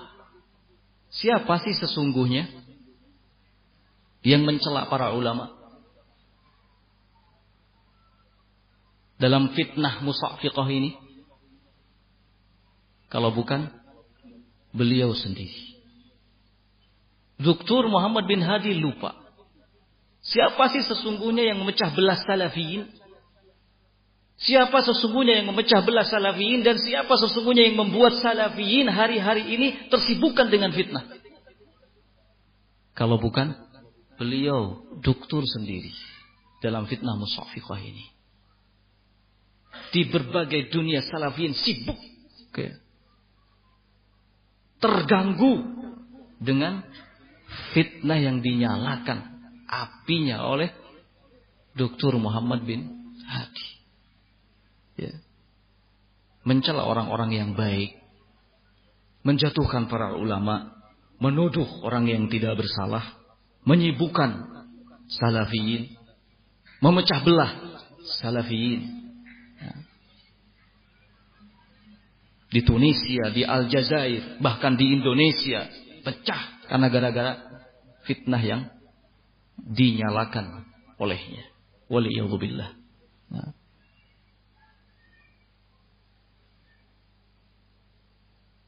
Ikhwan fillah rahimani wa rahimakumullah. Ada bantahan-bantahan khusus dari para ulama terkait pernyataan-pernyataannya tadi. Ya. Dan insya Allah kalau cukup waktu nanti kita bahas. Untuk sementara kita cukupkan dulu sampai di sini. Kita rehat terlebih dahulu. Alhamdulillahirabbil alamin. Alhamdulillah wassalatu wassalamu ala Rasulillah wa ala alihi wa sahbihi wa man walah wa ashhadu an la ilaha illallah wahdahu la syarika lah wa ashhadu anna Muhammadan abduhu wa rasuluh Ikhwani fi din rahimani wa rahimakumullah. Pada sesi yang kedua ini kita masih akan melanjutkan pembahasan tema kita kokoh di atas manhaj Nabi. Kali ini saya akan sampaikan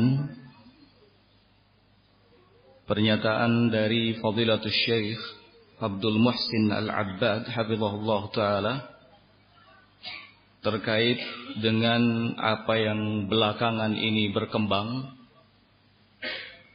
Adanya celaan celaan pada para ulama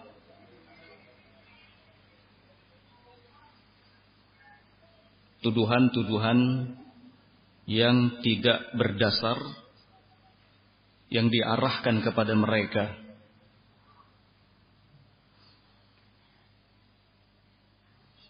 Kata Fadilatul Syekh Abdul Muhsin Al-Abbad Hafizahullah Ta'ala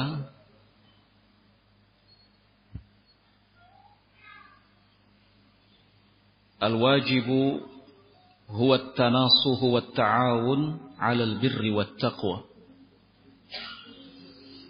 yang wajib untuk dilakukan oleh semua orang adalah saling menasehati dan kerjasama dalam hal kebajikan dan takwa. Wa an yahfadhal insanu lisanahu amma ya'udu alaihi bil madarrah. Dan hendaknya seseorang menjaga lisannya dari perkara yang kemudaratannya akan kembali kepadanya. Kemudian kata beliau warraddu matlubun. Bantahan atau rudud adalah hal yang dituntut. Perkara yang diperlukan. Idza kana hunaka amrun yaqtadi Jika di sana memang ada hal yang menuntut untuk melakukan hal tersebut. Wa ayyumani in yamna'u minar rad. Hal apa yang dapat mencegah adanya bantahan? Fahal minal hikmati annal munkar awil batil idza wujida yutrak wa la yuraddu alaihi walladhi yaruddu alaihi yunkar alaihi Apakah termasuk dari sikap yang bijak ketika kemungkaran dan kebatilan ditemukan, lalu kemudian dibiarkan begitu saja, tanpa dibantah, tanpa diluruskan. Dan apakah termasuk sikap yang bijak? Orang yang melakukan bantahan terhadap perkara-perkara yang mungkar, terhadap perkara-perkara yang batil, itu kemudian diingkari dan dicela. Hal hadza la yasu wa la yajuz. Kata Syekh Abdul Muhsin Al-Abbad ini perkara yang tidak diperkenankan. Perkara yang tidak diperbolehkan sampai terjadi seperti ini. Bal ar-raddu minan nasihah. Bahkan yang namanya bantahan itu termasuk bagian dari nasihat. Wa minal amri bil ma'ruf wan nahyi 'anil munkar dan termasuk ke dalam bagian amar ma'ruf dan nahi mungkar.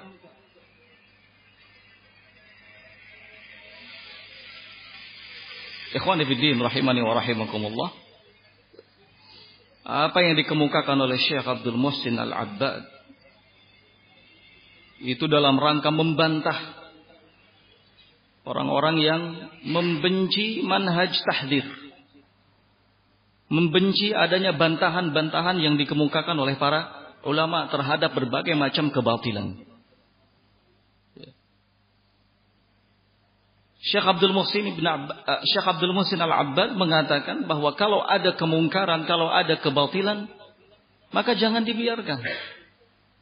Harus diluruskan. Kalau sampai dibiarkan berarti tidak bijak, tidak hikmah. Kalau ada orang yang membantah kemungkaran, membantah kebatilan, jangan diingkari. Yang seharusnya adalah didukung, jangan dicela. Kalau seandainya dicela, diingkari, maka ini perkara yang tidak hikmah. Gak boleh seperti itu. Ya. Ketika ada di antara para ulama kita yang meluruskan kesalahan, memperingatkan orang-orang yang jatuh dalam kesalahan itu, mesti kita dukung. Jangan kemudian bersikap a priori, menampakkan ketidaksukaan. Demikian juga asatidah kita. Asatidah ahlu sunnah wal jamaah salafiyin. Ketika memberikan peringatan, menasehati fulan Allah dari sebuah kesalahan, dari sebuah kemungkaran harus didukung. Karena itu upaya nasihat, itu amar ma'ruf dan nahi mungkar.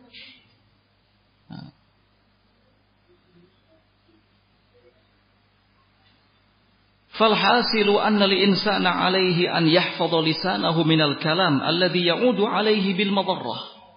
Maka kesimpulannya Seseorang itu hendaknya menjaga lisannya dari perkataan yang mudorotnya kembali padanya.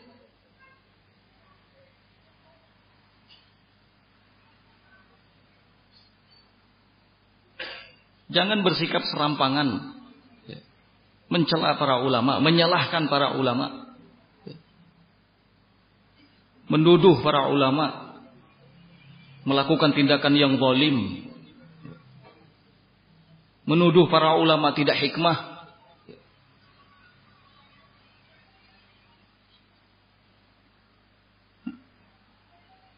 Mengecam para ulama, menyatakan bahwa para ulama tidak adil.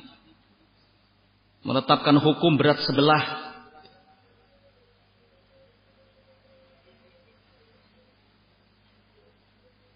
Alim fulan dipengaruhi oleh orang-orang yang ada di sekitarnya. Ini kalimat-kalimat yang tidak bijak, kalimat-kalimat yang tidak hikmah. Dan ini yang terjadi dalam fitnah Musa'fiqah saat ini. Ketika Syekh Rabi mencoba meluruskan menasehati Dr. Muhammad bin Hadi.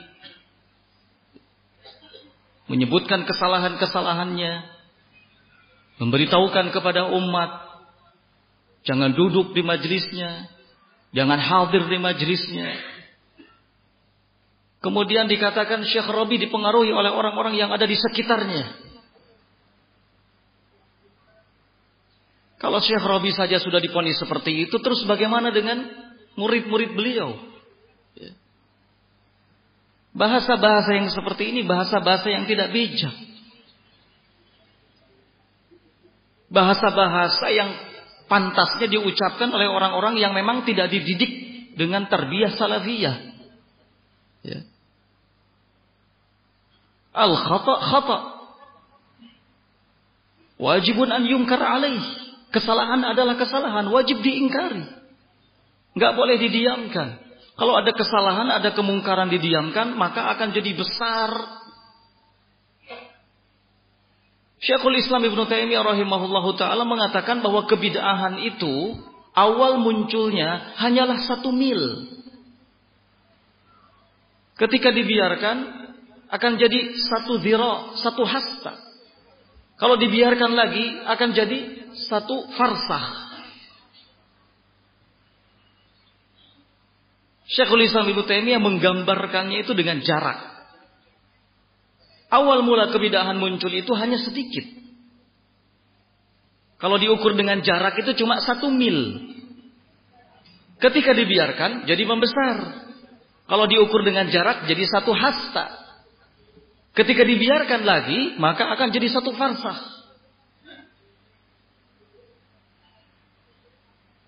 Akan semakin besar. Diukur dengan jarak adalah satu farsah. Mil itu paling dekat. Kemudian zero, hasta. Kemudian farsah. Nah oleh karenanya para ulama salaf dari dulu sampai sekarang nggak pernah membiarkan yang namanya kemungkaran. Bahkan Nabi kita Muhammad Wasallam jauh-jauh sebelumnya mengingatkan kepada kita, "Idza ra'a minkum munkaran, falyughayyirhu biyadihi." Fa illam yastati fa bilisani wa illam yastati fa biqalbihi wa dzalika adhaful iman. Atau kama qala sallallahu alaihi wasallam. Man ra'a minkum munkaran barang siapa yang di antara kalian yang melihat kemungkaran maka hendaknya dirubah Nabi SAW tidak mengatakan dibiarkan dulu. Tapi dirubah. Fal Hendaknya ia merubahnya. Meluruskannya. Biyadih dengan tangannya. Kalau tidak mampu dengan lisannya. Kalau tidak mampu dengan hatinya. Dan itu selemah-lemah iman. Kata Syekh Abdul Muhsin Al-Abbad hafizahullah taala wal alimu idza hasala minhu raddun fi mahallihi fa inna hadha minan nasihah. Lihat di sini. Seorang alim kalau melakukan bantahan tepat pada tempatnya, maka ini adalah bentuk nasihat. Ini adalah bentuk nasihat, bukan celaan. Bukan dalam rangka menjatuhkan kredibilitas seseorang, tapi mimbabin nasihat termasuk nasihat. Nah. Wa mimma ya'udu 'ala nasi bil faidah. Dan ini sesuatu yang faidahnya itu akan kembali kepada manusia. Kita dapat mengambil sekian faidah dari adanya bantahan-bantahan yang dilakukan oleh para ulama. Ya. Maka Ikhwanifiddin rahimani wa rahimakumullah, ar-raddu matlub. Bantahan adalah sesuatu yang dituntut. Jika memang ada hal yang menuntut untuk itu. Ya. Dan ini manhaj tahdir. Ya. Karena dalam tahdir itu ada ar-rad. Ada bantahan. Nah, Ikhwan rahimani wa rahimakumullah. Syubhat berikutnya terkait dengan manhaj tahzir adalah pernyataan mereka. Orang-orang yang alergi dengan manhaj ini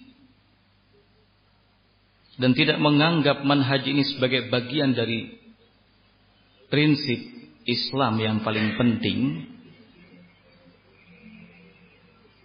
mereka mengatakan bahwa manhaj tahdir adalah manhaj yang akan menghinakan para penuntut ilmu. Manhaj yang akan menghinakan para penuntut ilmu dan akan mempengaruhi kepribadian mereka.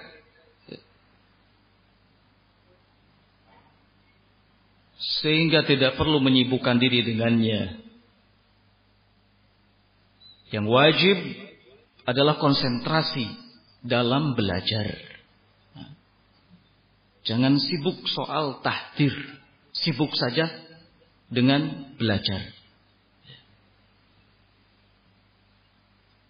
Menganggap bahwa manhaj tahdir itu bukan bagian dari ilmu. Padahal ikhwan fillah rahimani wa rahimakumullah manhaj tahdzir ini adalah manhaj mubarak, manhaj yang penuh dengan barakah. Manhaj tahdzir ini adalah inti dari talabul ilmi. Inti dari talabul ilmi, inti dari menuntut ilmu agama. Karena dengan manhaj ini seseorang bisa lurus agamanya lurus, manhajnya bersih, akidahnya dari segala hal yang bisa mengotorinya. Manhaj ini adalah al-haris yang dapat menjaga, memproteksi syariat Allah Azza wa Jalla. Ya. Jadi jangan dianggap manhaj tahdir bukan bagian dari ilmu. Justru itu ilmu. Bahkan inti daripada ilmu. Ya. Sekali lagi, dengan manhaj ini seseorang jadi lurus agamanya, lurus manhajnya, bersih akidahnya.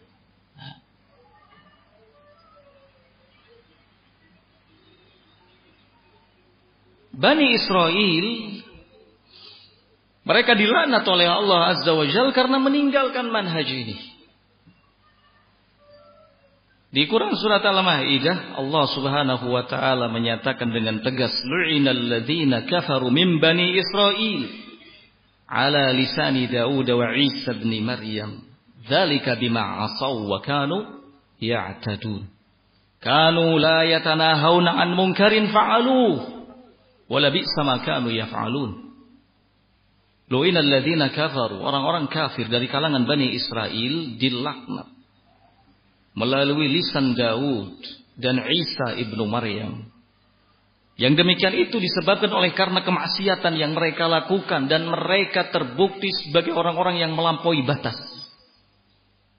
Apa buktinya? Buktinya adalah kanu la yatanahawna an munkarin fa'aluh. Mereka tidak saling mengingkari kemungkaran yang dilakukan.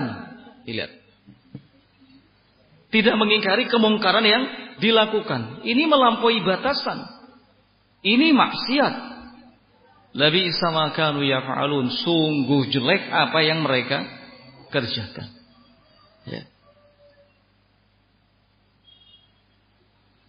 Di dalam hadis yang diriwayatkan oleh Imam At-Tirmidzi rahimahullahu taala dari sahabat Khudzaifah ibnu Yaman, Rasulullah sallallahu alaihi wa ala alihi wasallam menyatakan walladzi nafsi biyadihi la ta'muranna bil ma'ruf wa la tanhauna an munkarin aw la yushikanna Allah yab'ats 'alaikum 'iqaban min 'indih thumma tad'unahu fala yustajaba lakum Kata Rasulullah sallallahu alaihi wasallam demi zat yang jiwaku ada di tangannya kalian beramar ma'ruf dan bernahi mungkar atau kalau tidak maka tidak akan lama lagi Allah akan mengirimkan hukumannya kepada kalian di saat kalian berdoa kepada Allah, la yustajabalakum. Doa kalian tidak akan diijabah. Manhaj tahdir adalah mimbabil amri bil ma'ruf wan nahi 'anil munkar. Bagian dari amar ma'ruf nahi munkar. Ya.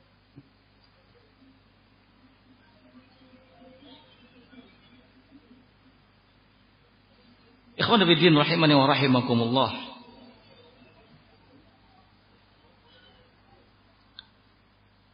Syekh Al-Allamah Rabi bin Hadi Al-Madkhali hafizahullah taala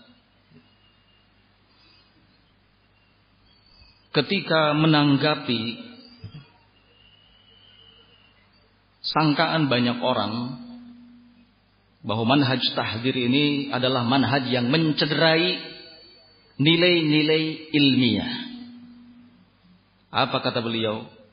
Qala hadza mafhumun batilun. Ini adalah pemahaman yang batil.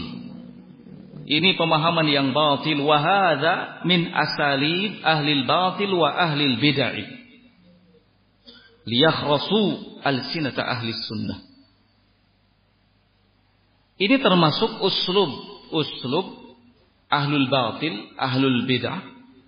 Tujuannya membungkam lisan-lisan ahlus sunnah Supaya ahlu sunnah itu nggak bicara. Supaya ahlu sunnah itu diem.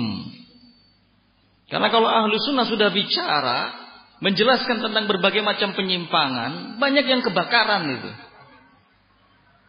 Takut ahli bidah.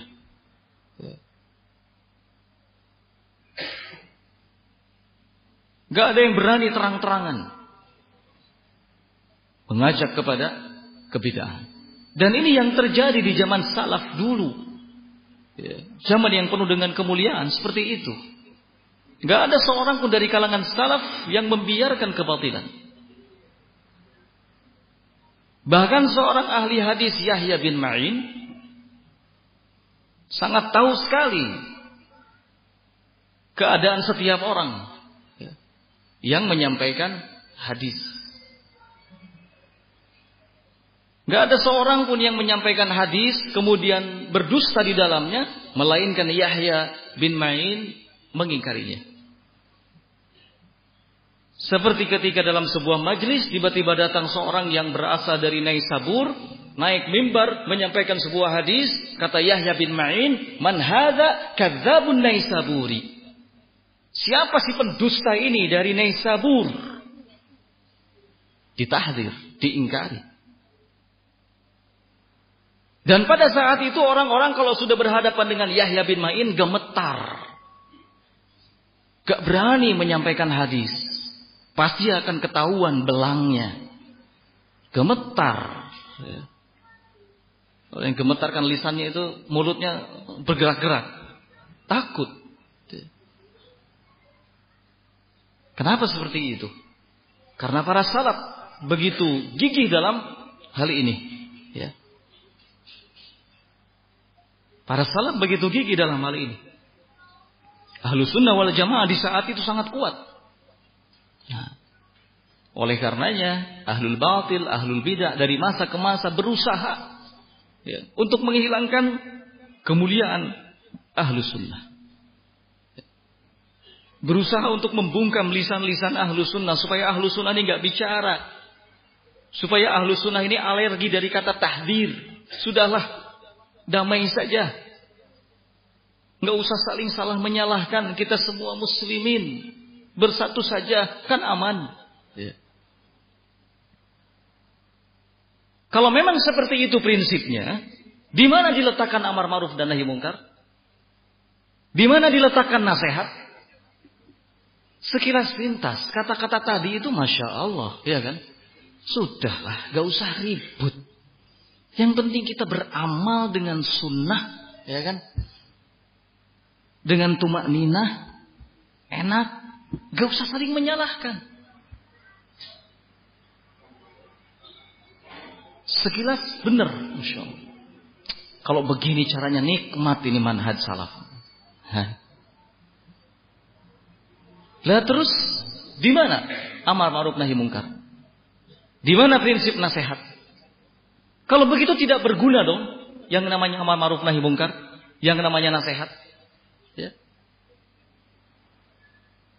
Kalau kita semua bisu, kita semua mendiamkan, kemungkaran demi mencapai kemaslahatan bersama, bersatu.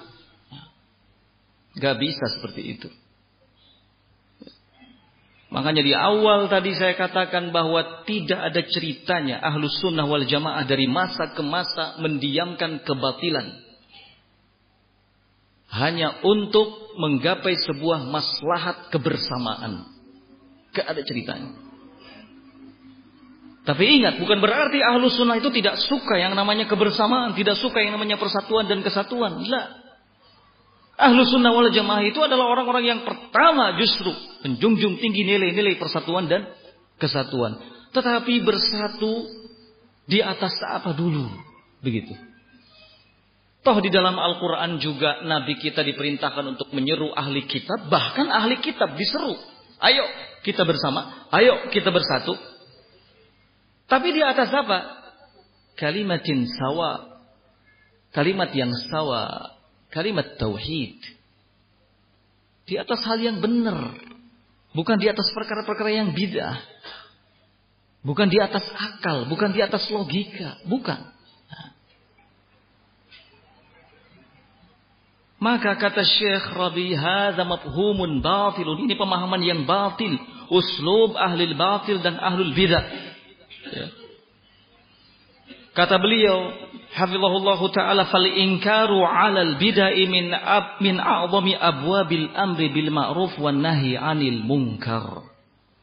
Mengingkari kebid'ahan adalah termasuk bab yang paling besar, bab yang paling agung dalam bab amar ma'ruf nahi munkar.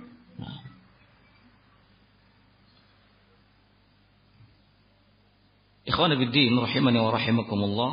Oleh karena itu manhaj tahdir bukanlah manhaj yang akan merendahkan, menghinakan para penuntut ilmu, tapi justru akan memuliakan mereka. Dengan manhaj itu mereka mendapatkan kemuliaan. Dengan manhaj itu agama mereka semakin kuat, akidah mereka semakin bersih, manhaj mereka semakin kokoh. Ini.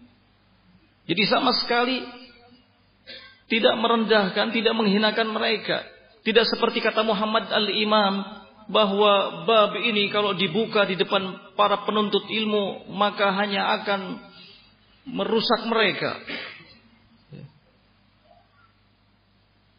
Hanya akan merusak mereka karena bab ini adalah bab yang syar, bab yang penuh dengan keburukan. Nah. Akhwan rahimani wa rahimakumullah. Syubhat berikutnya yang kelima, ini terkait dengan pernyataan Dr. Muhammad bin Hadi yang tadi kita singgung di mana doktor mengatakan bahwa jangan ikut campur dalam urusan ulama dan tidak boleh ada yang membantah seorang alim kecuali seorang alim yang semisalnya atau alim yang semisalnya.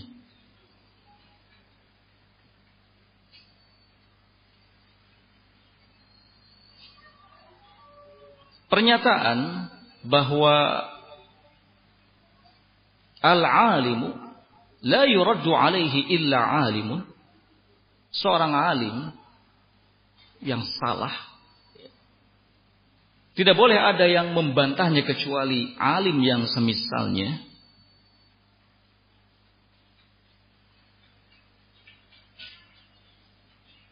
Ini sama dengan pernyataan yang wajib bagi kita an-naskuta amma yajri bainal ulama. Untuk diam dari segala perkara yang terjadi di antara para ulama min khilafin warudud dalam hal perselisihan dan saling bantah membantah Kita tunggu para ulama sajalah. Biarkan saja. Ini urusannya urusan para ulama. Ya. Ini urusannya urusan para ulama. Kita nggak usah ikut campur.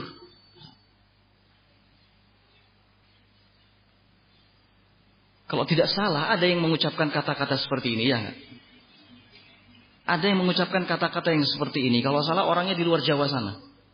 Ya.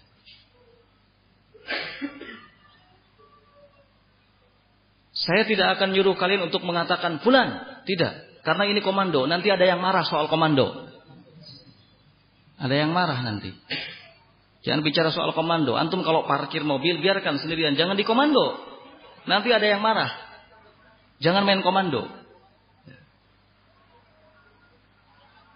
Ikhwan rahimani wa rahimakumullah. Kata-kata yang disebutkan tadi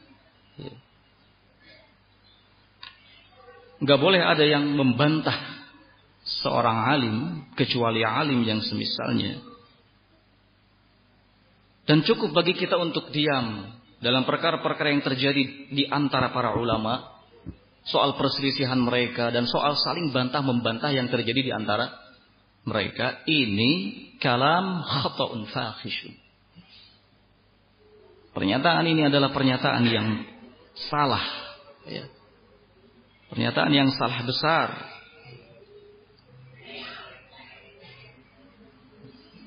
Dan pernyataan ini adalah pernyataan yang menyelisihi manhaj ahli sunnah wal jamaah. Menyelisihi apa yang dipegangi oleh para ulama kibar kita. Ya.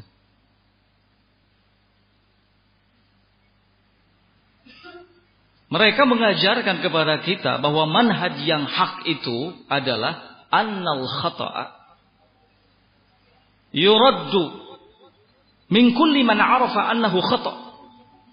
Ya, lihat di sini. Tiga garis bawahi kalimat ini. Manhajul haq annal khata' yuraddu min kulli man arafa annahu khata'. Wa arafa wajha ar-radd alaihi aliman kana atau talib ilmi. Manhaj yang hak itu ya, adalah bahwa kesalahan yuraddu harus dibantah. Min kulli man urifa, maaf bukan arafa, min kulli man urifa annahu khata. Harus dibantah dari setiap orang yang diketahui dia berada di atas kesalahan. Sebuah kesalahan itu harus dibantah. Jadi setiap orang yang diketahui benar-benar dia melakukan sebuah kesalahan. harus dibantah. Ya.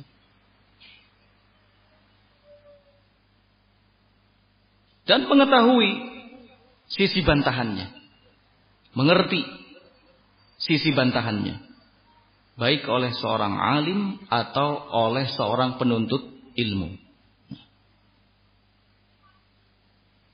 Jadi kesalahan tidak boleh dibiarkan, tapi harus dibantah. Ya.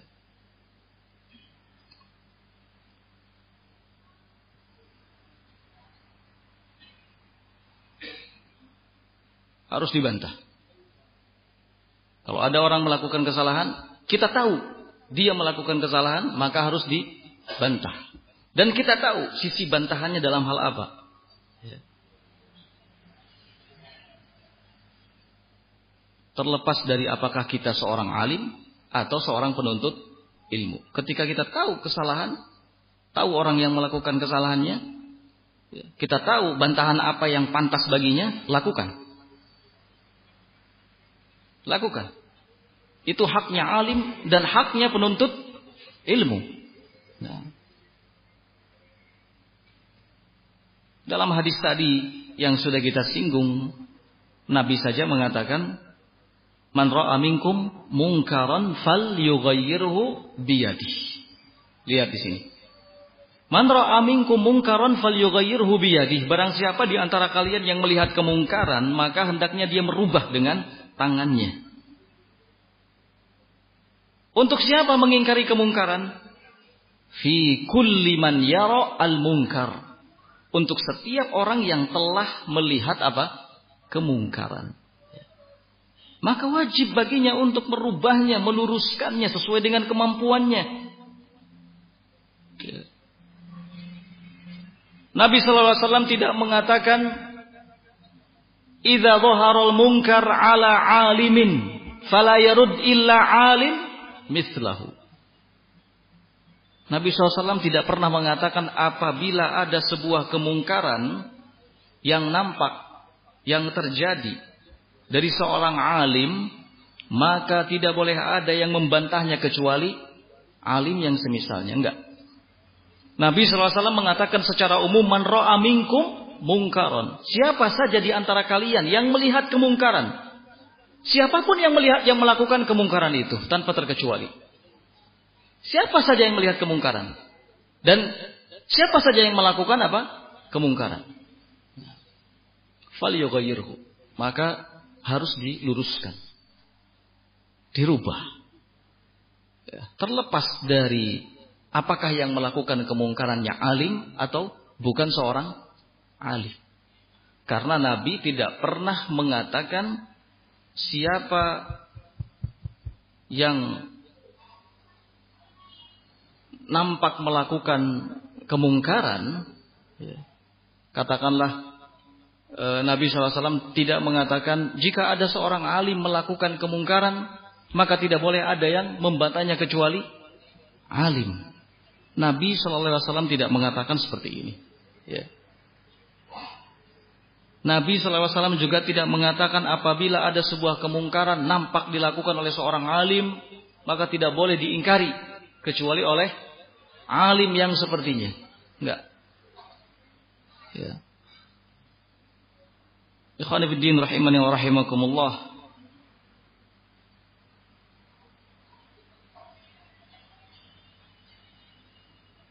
Dalam sebuah kisah ya,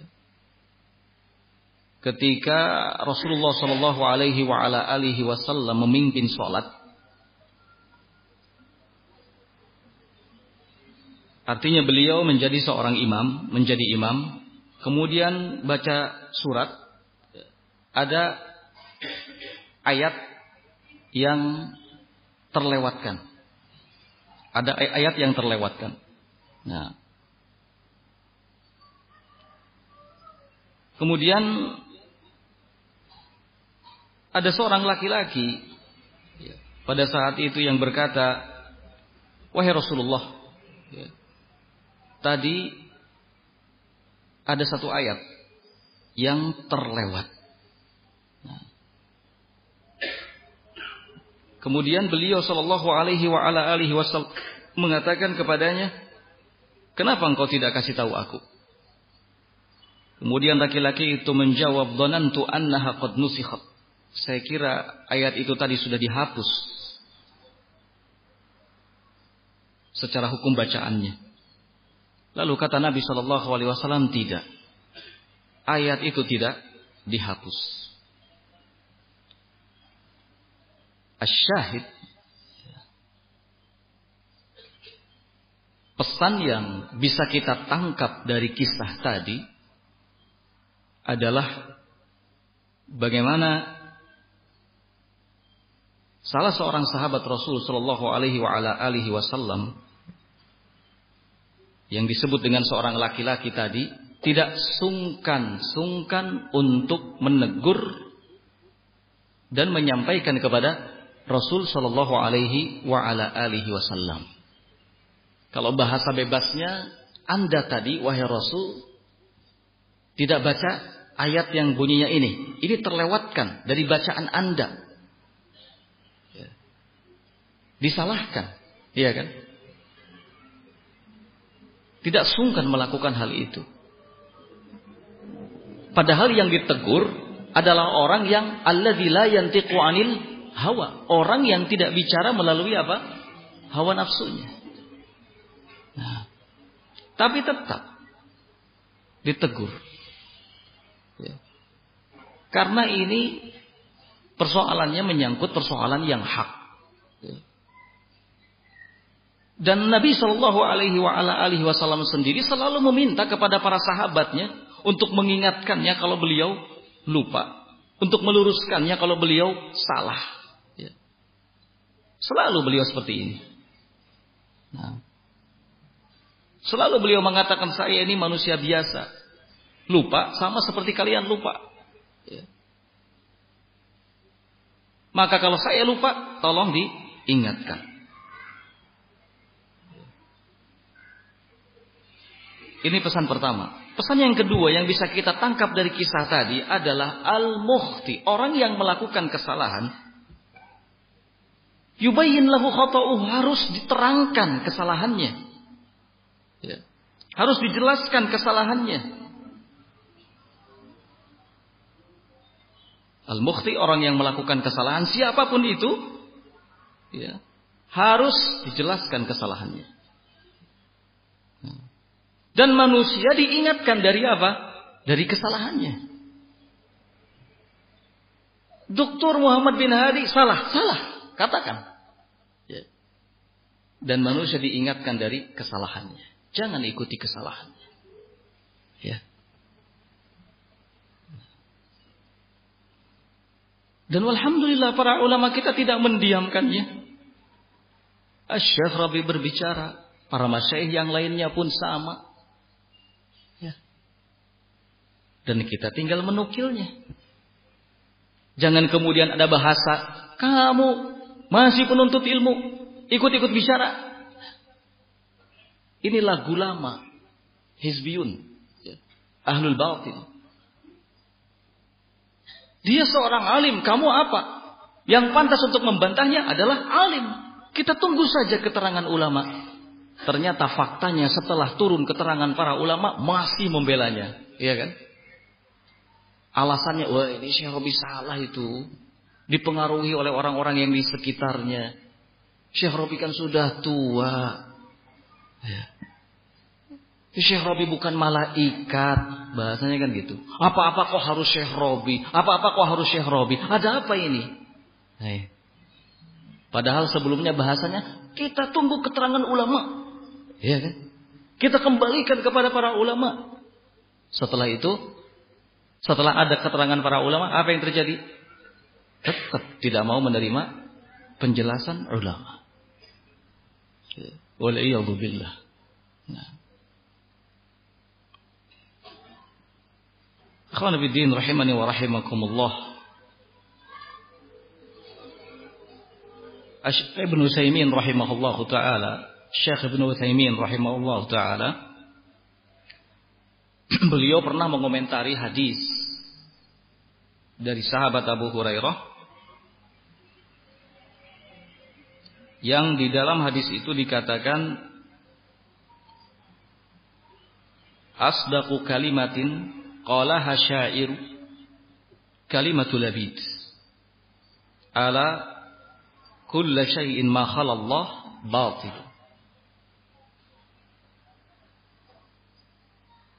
Kata-kata yang paling baik yang diucapkan oleh seorang penyair adalah kata-kata yang pernah disampaikan oleh Labid.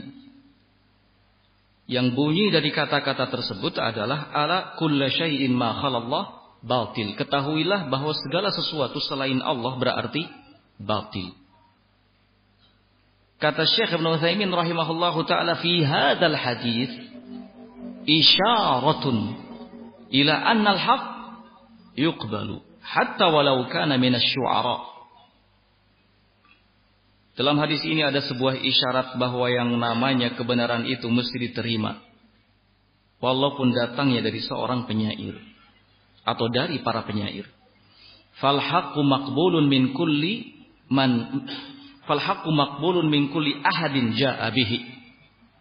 Maka kebenaran itu mesti diterima dari setiap orang yang datang membawanya.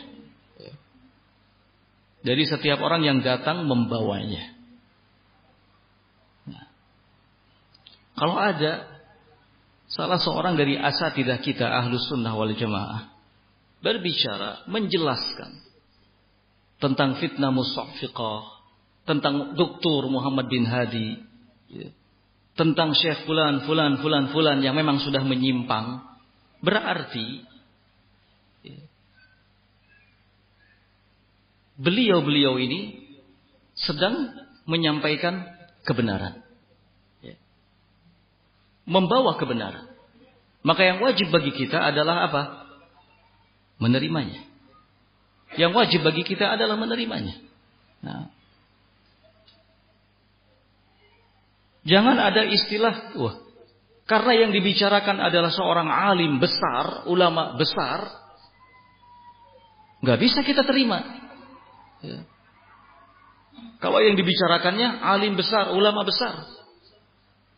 Gak bisa kita terima. Karena dia yang berbicara ini masih penuntut ilmu. Statusnya. Enggak, enggak seperti itu. Ya.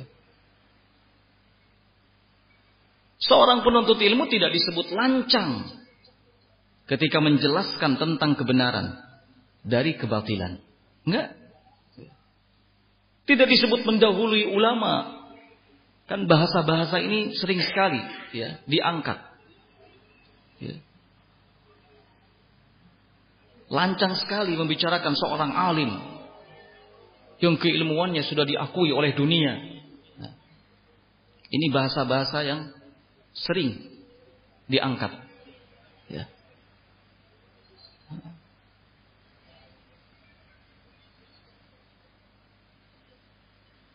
terlalu berani membicarakan para ulama.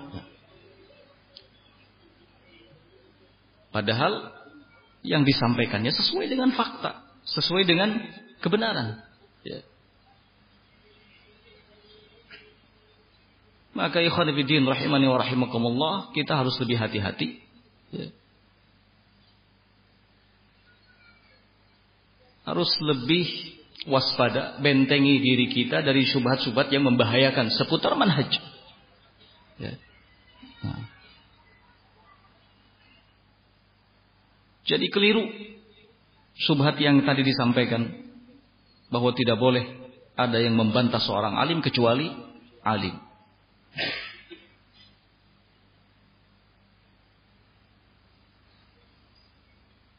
Berikutnya subhat yang keenam adalah mereka menyatakan manhaj tahdir adalah termasuk ke dalam bab ijtihad. Termasuk ke dalam bab ijtihad.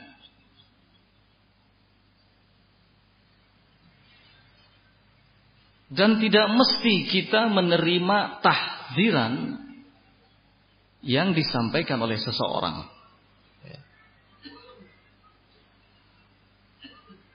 Syubhat ini adalah syubhat yang awal mulanya muncul dari seorang Ali Al-Halabi.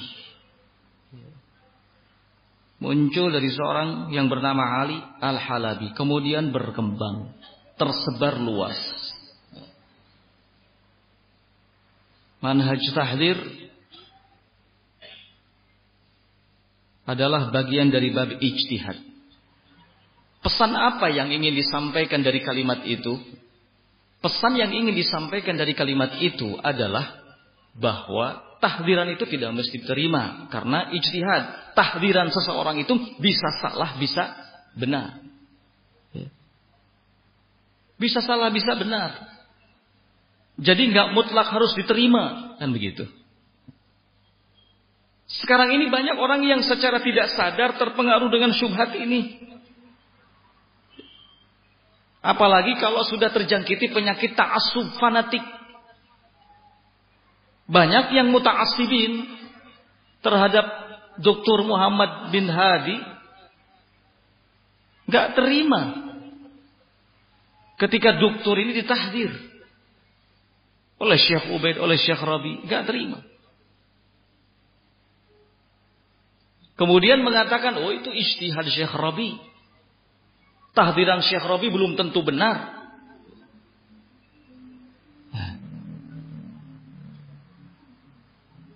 Tahdiran Syekh Rabi itu disebabkan oleh karena informasi yang sepihak yang masuk pada beliau. Hati-hati. Ini syubhat. Kalau sesuatu sudah dikatakan ijtihad berarti bisa benar, bisa salah.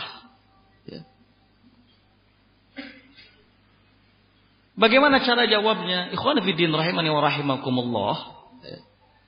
Kita harus bisa membedakan dan menempatkan antara kata ijtihad dengan tahdir.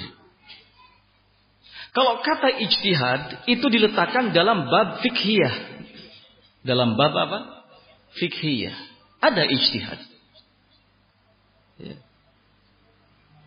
Tapi kalau tahdir bukan ijtihad yang ada di dalamnya. Kalau tahdir itu yang ada di dalamnya adalah ikhbar. Apa? Ikhbar. Berita. Ya. Nah. Berita.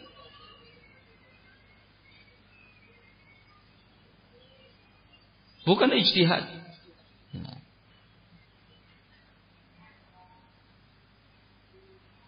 Dan para ulama ketika mentahdir pihak-pihak tertentu, person-person tertentu, maka mereka melakukan tahdirannya itu di atas ilmu. Dan ini masuk dalam kategori babul ihbar. Babul ikhbar. Ya. Walhamdulillah para ulama ahlu sunnah wal jamaah tidaklah mereka berbicara mentahdir ya, satu kelompok person tertentu, melainkan selalu ada dalil. Disebutkan bukti-bukti kesalahannya ini, ini, ini, ini, ini, ini, detail. Ini bukan ijtihad yang seperti ini. Tapi apa? Ikhbar. Dan yang seperti ini wajib diterima. Yang seperti ini wajib diterima. Kenapa? Karena membawa al-haq. Membawa kebenaran. Ya. Jangankan dari seorang alim, dari seorang penyair saja, ketika apa yang disampaikannya itu benar, maka wajib diterima. Apalagi seorang alim. Nah.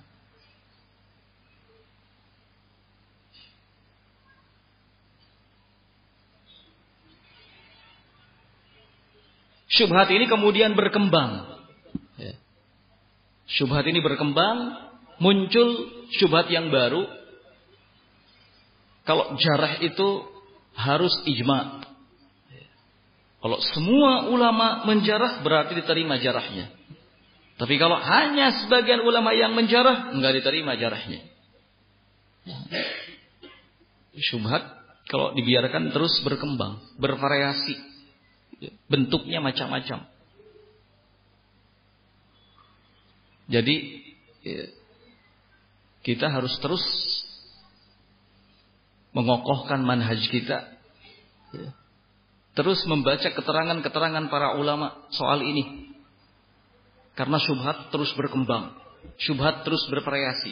Syubhat terus berpindah-pindah dari satu syubhat ke syubhat yang lainnya. Nah. Tapi yang pasti walau bagaimanapun kebatilan tetaplah kebatilan. Yang hak tetaplah hak. Seperti riba, riba tetaplah haram. Walaupun diolah sedemikian rupa, ya kan? Banyak sekali macam bentuknya subhanallah. Dari waktu ke waktu, dari hari ke hari itu macam-macam transaksi-transaksi itu. Ya. Tapi kalau haram ya tetap haram, kalau riba ya tetap riba. Ahallallahu al-bai wa harrama riba. Allah menghalalkan jual beli dan mengharamkan riba. Nah, syubhat pun demikian. Dari waktu ke waktu, dari hari ke hari terus beragam. Ya. Bermacam-macam. Meski hakikatnya sama. Ya. Seperti yang tadi saya sampaikan contoh sederhananya, iya kan? Soal kaidah apa? Al-manar. Itu kan terus secara turun temurun. Berganti orang, berganti bahasanya. Tapi hakikatnya sama terus. Dari Muhammad Rashid Ridho kepada Hasan Al-Banna, turun lagi kepada Adnan Ar'ur, turun lagi kepada Abul Hasan Al-Ma'ribi, turun lagi kepada Ali Hasan Al-Halabi, berikutnya kepada Piranda. Setelah itu terus terus terus terus terus sama hakikatnya. Mereka ada dalam lingkaran itu. Ada dalam lingkaran itu. Nah oleh karena itu kita harus mempersenjatai diri dengan ilmu yang benar, bimbingan para ulama, terutama seputar manhaj. Ini hal yang penting, harus terus digali, terus dikaji supaya tidak terkecoh. Karena sekarang ini seperti yang disampaikan oleh Nabi Shallallahu Alaihi Wasallam tadi, sanawatun khada'ah. Tahun-tahun yang penuh dengan apa? Tipuan. Tahun-tahun yang penuh dengan tipuan. Kalau salah langkah, celaka. Ya. Kalau salah langkah, celaka. Salah orang, sama. Ya. Celaka. Nah. Rahimani wa rahimakumullah. Nampaknya kajian kita pada hari ini cukupkan sampai di sini. Semoga apa yang telah disampaikan dari awal sampai akhir tadi bermanfaat bagi kita semuanya. Sempurnaan hanya milik Allah Subhanahu wa taala. Wallahu taala a'lam bissawab. Taib, ada beberapa pertanyaan yang uh, ada di sini. Antara lain, ada ucapan yang beredar di sebagian ikhwan yang mengatakan bahwa hendaknya kita ketika mencari tempat tinggal atau rumah jangan terlalu dekat dengan pondok. Sebab ketika pondok tersebut ada fitnah, kita akan terhindar dari imbas fitnah tersebut. Nah, ini anggapan yang tidak benar. Kalau soal imbas fitnah itu kembali kepada bagaimana orangnya. Siapa pun bisa saja terkena imbas dari fitnah itu. Tidak hanya yang dekat dengan api fitnahnya, yang jauh pun bisa. Ikhwan fiddin rahimani wa rahimakumullah, fitnah musafiqah terjadi di mana? Terjadi di mana itu? Di sana, jauh dari tempat kita, ya kan? Tapi imbasnya terjadi di Indonesia, ya enggak? Nah. Wattaqu fitnatal la tusibanna alladziina zalamu minkum khassah. Yang terpenting adalah bagaimana kita menjaga diri darinya. Nah. Dan justru kita harus mencari tempat yang aman dari fitnah. Salah satu dari sekian tempat yang bisa membuat aman dari fitnah itu adalah tempat-tempat yang di situ ada ilmu, hidup ilmu di sana saling tanasau, nasihat menasehati, al-amr bil ma'ruf wan nahi anil munkar. Jangan dengan alasan oh takut terjadi fitnah di pondok itu akhirnya nggak mau mendekat, malah lebih senang tinggal di tengah-tengah awam yang banyak kemaksiatannya asyik ya menikmati kemaksiatan yang ada di sekitar. La ilaha illallah. La. Ya. Tetap kita harus merapat kepada orang-orang yang baik, Allah menyuruh kita untuk bersabar bersama dengan orang-orang yang senantiasa beribadah kepada Rabbnya. Wasbir nafsaka ma'alladina yad'una rabbahum bil ghadati wal ashi. Sabar bersama dengan mereka, orang-orang soleh yang setiap pagi dan petang berdoa beribadah kepada Allah Azza wa Jalla. Soal fitnah itu di luar pengetahuan kita, kita tidak tahu. Ya. Jangan memikirkan sesuatu yang belum terjadi. Nah, fitnah di mana-mana ada. Jangan sampai antum punya pemikiran, wah di pondok pasti ada fitnah. Lah terus di tempat antum yang sekarang antum tinggal ada fitnah apa enggak? Nah. Kadrul jamaah khairun min sofil fard. Kata sahabat Ali bin Abi Thalib, keruhnya hidup berjamaah, hidup bersama masih tetap jauh lebih baik dibandingkan jernihnya hidup sendiri. Oh, jauh dari ikhwan, jauh dari fitnah. Are eta samping kanan kiri depan belakang fitnah unggul. Antum santai wae. Kuma urusan anak. Kepriwe. Kalau kayak gini. Jangan begitu. Hidup kita bersama dengan orang-orang soleh. Kemudian ada masalah di sana. Ada sedikit masalah muamalah itu.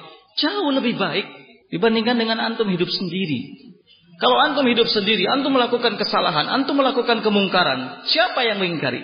Siapa yang mengingatkan? Tapi kalau antum hidup bersama dengan orang-orang yang saleh, ketika antum salah, ketika antum melakukan kemungkaran, antum akan ditegur, antum akan dinasehati. Jadi tetap jauh lebih baik. Nah, jangan seperti itu. Kita harus lebih senang merapat ya kepada kumpulan orang-orang soleh, orang-orang yang baik. Kita bersama, bersama-sama, ta'awun, bahu-membahu, membangun ya, sesuatu yang baik. Sesuatu yang penuh dengan kemaslahatan. Ada lagi ditanyakan di sini soal pelaksanaan sholat idul fitri atau idul adha. Jika tidak dilaksanakan di luar karena hujan deras, bolehkah dilaksanakan di masjid? Boleh. Gak masalah. Kalau memang kondisinya tidak memungkinkan sholat di luar karena hujan deras apa-apa di masjid. Apabila orang tua kita non muslim lalu menyuruh kita untuk mengantar ke rumah ibadah selain Islam, apakah yang kita lakukan? Bolehkah kita mengantarnya? Nah, intinya sampaikan secara baik-baik, ya. sampaikan secara baik-baik karena kita khawatir itu sebagai bentuk dukungan kita kepadanya.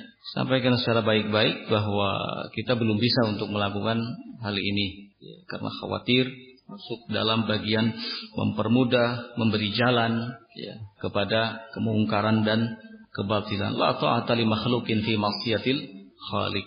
Nah.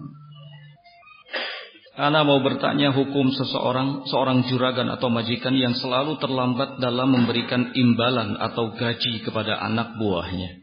Nah, jika itu dilakukan secara sengaja, ya jelas ini hal yang tidak diperbolehkan dan masuk dalam kategori zalim. Jangan. Sebab dalam banyak hadis Nabi Shallallahu Alaihi Wasallam memberikan anjuran untuk memperhatikan para pekerja, ya, membalas keringat yang bercucuran dari tubuh mereka dengan upah yang setimpal. Tapi kalau karena ada satu kondisi dua kondisi yang menyebabkan terlambat datangnya gaji, ya bersabar. Ya bersabar. Apalagi kalau kita sebagai pekerja tahu penyebabnya. Nah, Sebatas kesalahan apa tahdir dijatuhkan kepada seorang ikhwan dan apa yang dilakukan seorang ikhwan yang ditahdir agar bisa hidup bersama dengan ikhwah ikhwah salahin. Kesalahan-kesalahan yang sangat berpengaruh dalam hal buruknya untuk orang lain dan lingkungan sekitar. Ya. Nah, kesalahan-kesalahan yang memang ada hubungannya dan pengaruh terhadap pihak yang lain, berpengaruh dalam dakwah, berpengaruh dalam e, muamalah. Nah, perlu diingatkan, kalau kesalahan-kesalahan yang sifatnya pribadi tidak berhubungan dengan siapa pun, dia sendiri yang melakukannya, wajib bagi dia untuk taubat dan bagi siapa yang mengetahuinya menasehatinya. Ya, tetap harus menasehatinya. Kesalahan-kesalahan yang tampak diperlakukan di hadapan orang, maka harus diperingatkan. Ya, sesuai dengan porsinya. Dikasih tahu di hadapan semua orang bahwa apa yang diperbuatnya adalah sebuah kesalahan. Tapi kalau dosa-dosa yang sifatnya antara dirinya sendiri dengan Allah, maka kita nasihati secara tertutup. Ya. Nah, apakah seorang istri boleh membuka HP suami tanpa meminta izin terlebih dahulu? Ada apa di HP suaminya? Nah, ya intinya kalau memang itu bisa membuat e, masalah, bisa membuat masalah dalam hubungan antara suami istri, tidak ada salahnya jika si istri meminta izin ketika hendak menggunakan HP milik suaminya. Ya. Kalau memang itu bisa menjadi apa? Masalah. Tapi kalau sudah biasa, ya biasa dalam artian ya seorang suami pinjam HP istrinya atau istri pinjam HP suami sudah biasa antar keduanya ya mungkin ya masalah ya. Cuman hal yang ingin saya ingatkan adalah jangan sampai seorang istri pinjam HP suaminya kemudian dipakai untuk ngecat temennya. Gitu. Ngecat umat yang lain pakai nomor siapa? Suaminya. Iya, terus dialog. Nanti suaminya baca. Nanti suaminya tahu. Oh, ini nomor si Kulana, ini nomor si Alana. Ini yang nggak bagus. Ya. Ini yang tidak bagus. Jangan seperti itu. Ya. Ada sebagian ikhwah itu yang ikut grup tapi namanya di situ nama istrinya coba. Janganlah, jangan seperti itu. Ya. Tutup segala pintu yang bisa menyebabkan terjadinya fitnah. Karena soal ini soal yang sensitif. Ya. Soal yang sangat-sangat sensitif. Ya. Sensitivitasnya sangat tinggi. Nah, fitnah yang besar, nggak ada satu fitnah pun yang aku tinggalkan, kata Nabi SAW, ya, di tengah-tengah kalian yang melebihi besarnya fitnah apa? Wanita.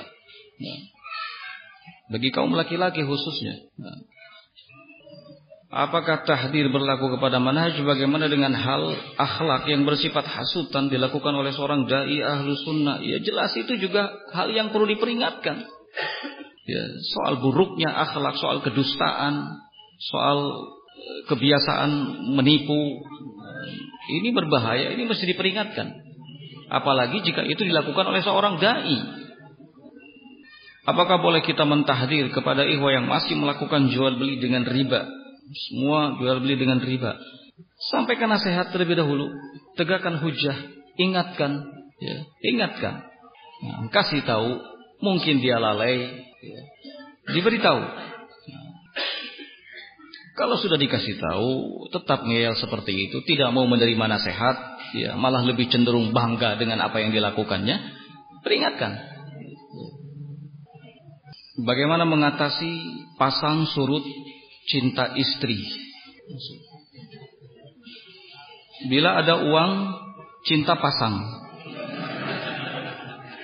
Namun bila tidak ada uang, cinta menjadi surut. Apakah kita boleh menerapkan manhaj tahdir terhadap istri yang demikian? nah, kenapa bisa begini? Nah. Jangan sampailah ya, antara suami dan istri ada istilah cinta pasang, surut surut pasang, ya Mestinya keduanya berusaha untuk menjaga kasih sayang. Nah, karena salah satu tujuan dari adanya syariat nikah, hidup berkeluarga adalah supaya ada mawaddah, ya kan? Litas kunu ilaiha kata Allah. Wa ja'ala bainakum mawaddah. Allah itu jadikan di antara kalian ada kecintaan. Yang wajib dilakukan baik oleh suami ataupun oleh istri adalah melakukan hal-hal yang dengan sebab itu tumbuh kecintaan antara keduanya. Ya. Semakin lama semakin kuat ya kecintaan. Nah, ini yang harus dilakukan. Kalau soal uang, soal harta, soal ini jangan sampai dijadikan sebagai satu sebab ya, retaknya atau putusnya ikatan apa? Cinta. Nah. Kalau memang suami dalam kondisi kurang mampu, ya, ada satu waktu di mana suami tidak bisa memberikan sesuatu yang lebih kepada istri, ya sabar, doakan, ya, semoga suami diberi kemudahan oleh Allah Subhanahu Wa Taala. Nah, tidak perlu uring-uringan, ya, bersabar. Nah. Kalau kaitan dengan tahdir, ini mungkin ada istilah hajar ya. Boleh kita menghajar istri terkait dengan maksiat yang dilakukannya. Kalau istri melakukan kemaksiatan, pelanggaran, nusyuj, ya, boleh kita menghajarnya. Nah, kalau tahdir dalam artian sekedar menasehati istri, mengingatkan kepada istri bahwa engkau nggak boleh seperti itu. Kalau ada uang senang, nggak ada uang marah, jangan seperti itu, sabar. Ya. Kalau sekedar mengingatkan seperti itu, tidak apa-apa. Ya, memang harus diingatkan, karena kadang-kadang istri lebih cenderung terbawa oleh perasaan. Ya.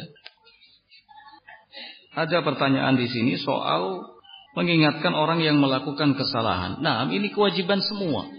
Ya, ini kewajiban semua. Siapa saja yang melihat ada seseorang melakukan kesalahan, maka wajib untuk mengingatkannya. Mengingatkan yang melakukan kesalahan tersebut. Nah, jangan menunggu, ya, jangan membiarkan, jangan merasa ah mungkin yang lain juga ada yang tahu bahwa si fulan melakukan kesalahan. Jangan. Saya belum pantas untuk menegurnya, saya belum pantas untuk menasehatinya. Jangan. Ya, Nabi mengatakan man ra'a minkum fal yughayyirhu. Ya. Enggak ada ketentuan lain kecuali itu. Ya. Nah, soal eh, apa yang belakangan ini berkembang ya, terkait pesta demokrasi, ya intinya kita berdoa saja kepada Allah Subhanahu wa taala meminta agar diberikan orang yang terbaik yang nantinya akan menjadi pemimpin di negara kita. Bagaimana hukum orang yang memiliki ilmu bela diri lalu mempraktekkannya kepada orang lain? Maksudnya apa? Setiap ketemu orang jadiin uji coba begitu. Nah, enggak boleh kalau seperti itu. Tapi kalau sekedar e, berlatih misalnya kita ikut bela diri, kemudian teman-teman kita yang lainnya juga sama berlatih, ada tanding ya nggak masalah tapi tetap sesuai aturan ya. nah, dan memang hawanya kalau orang baru belajar bela diri itu ingin kelahi terus ya kan?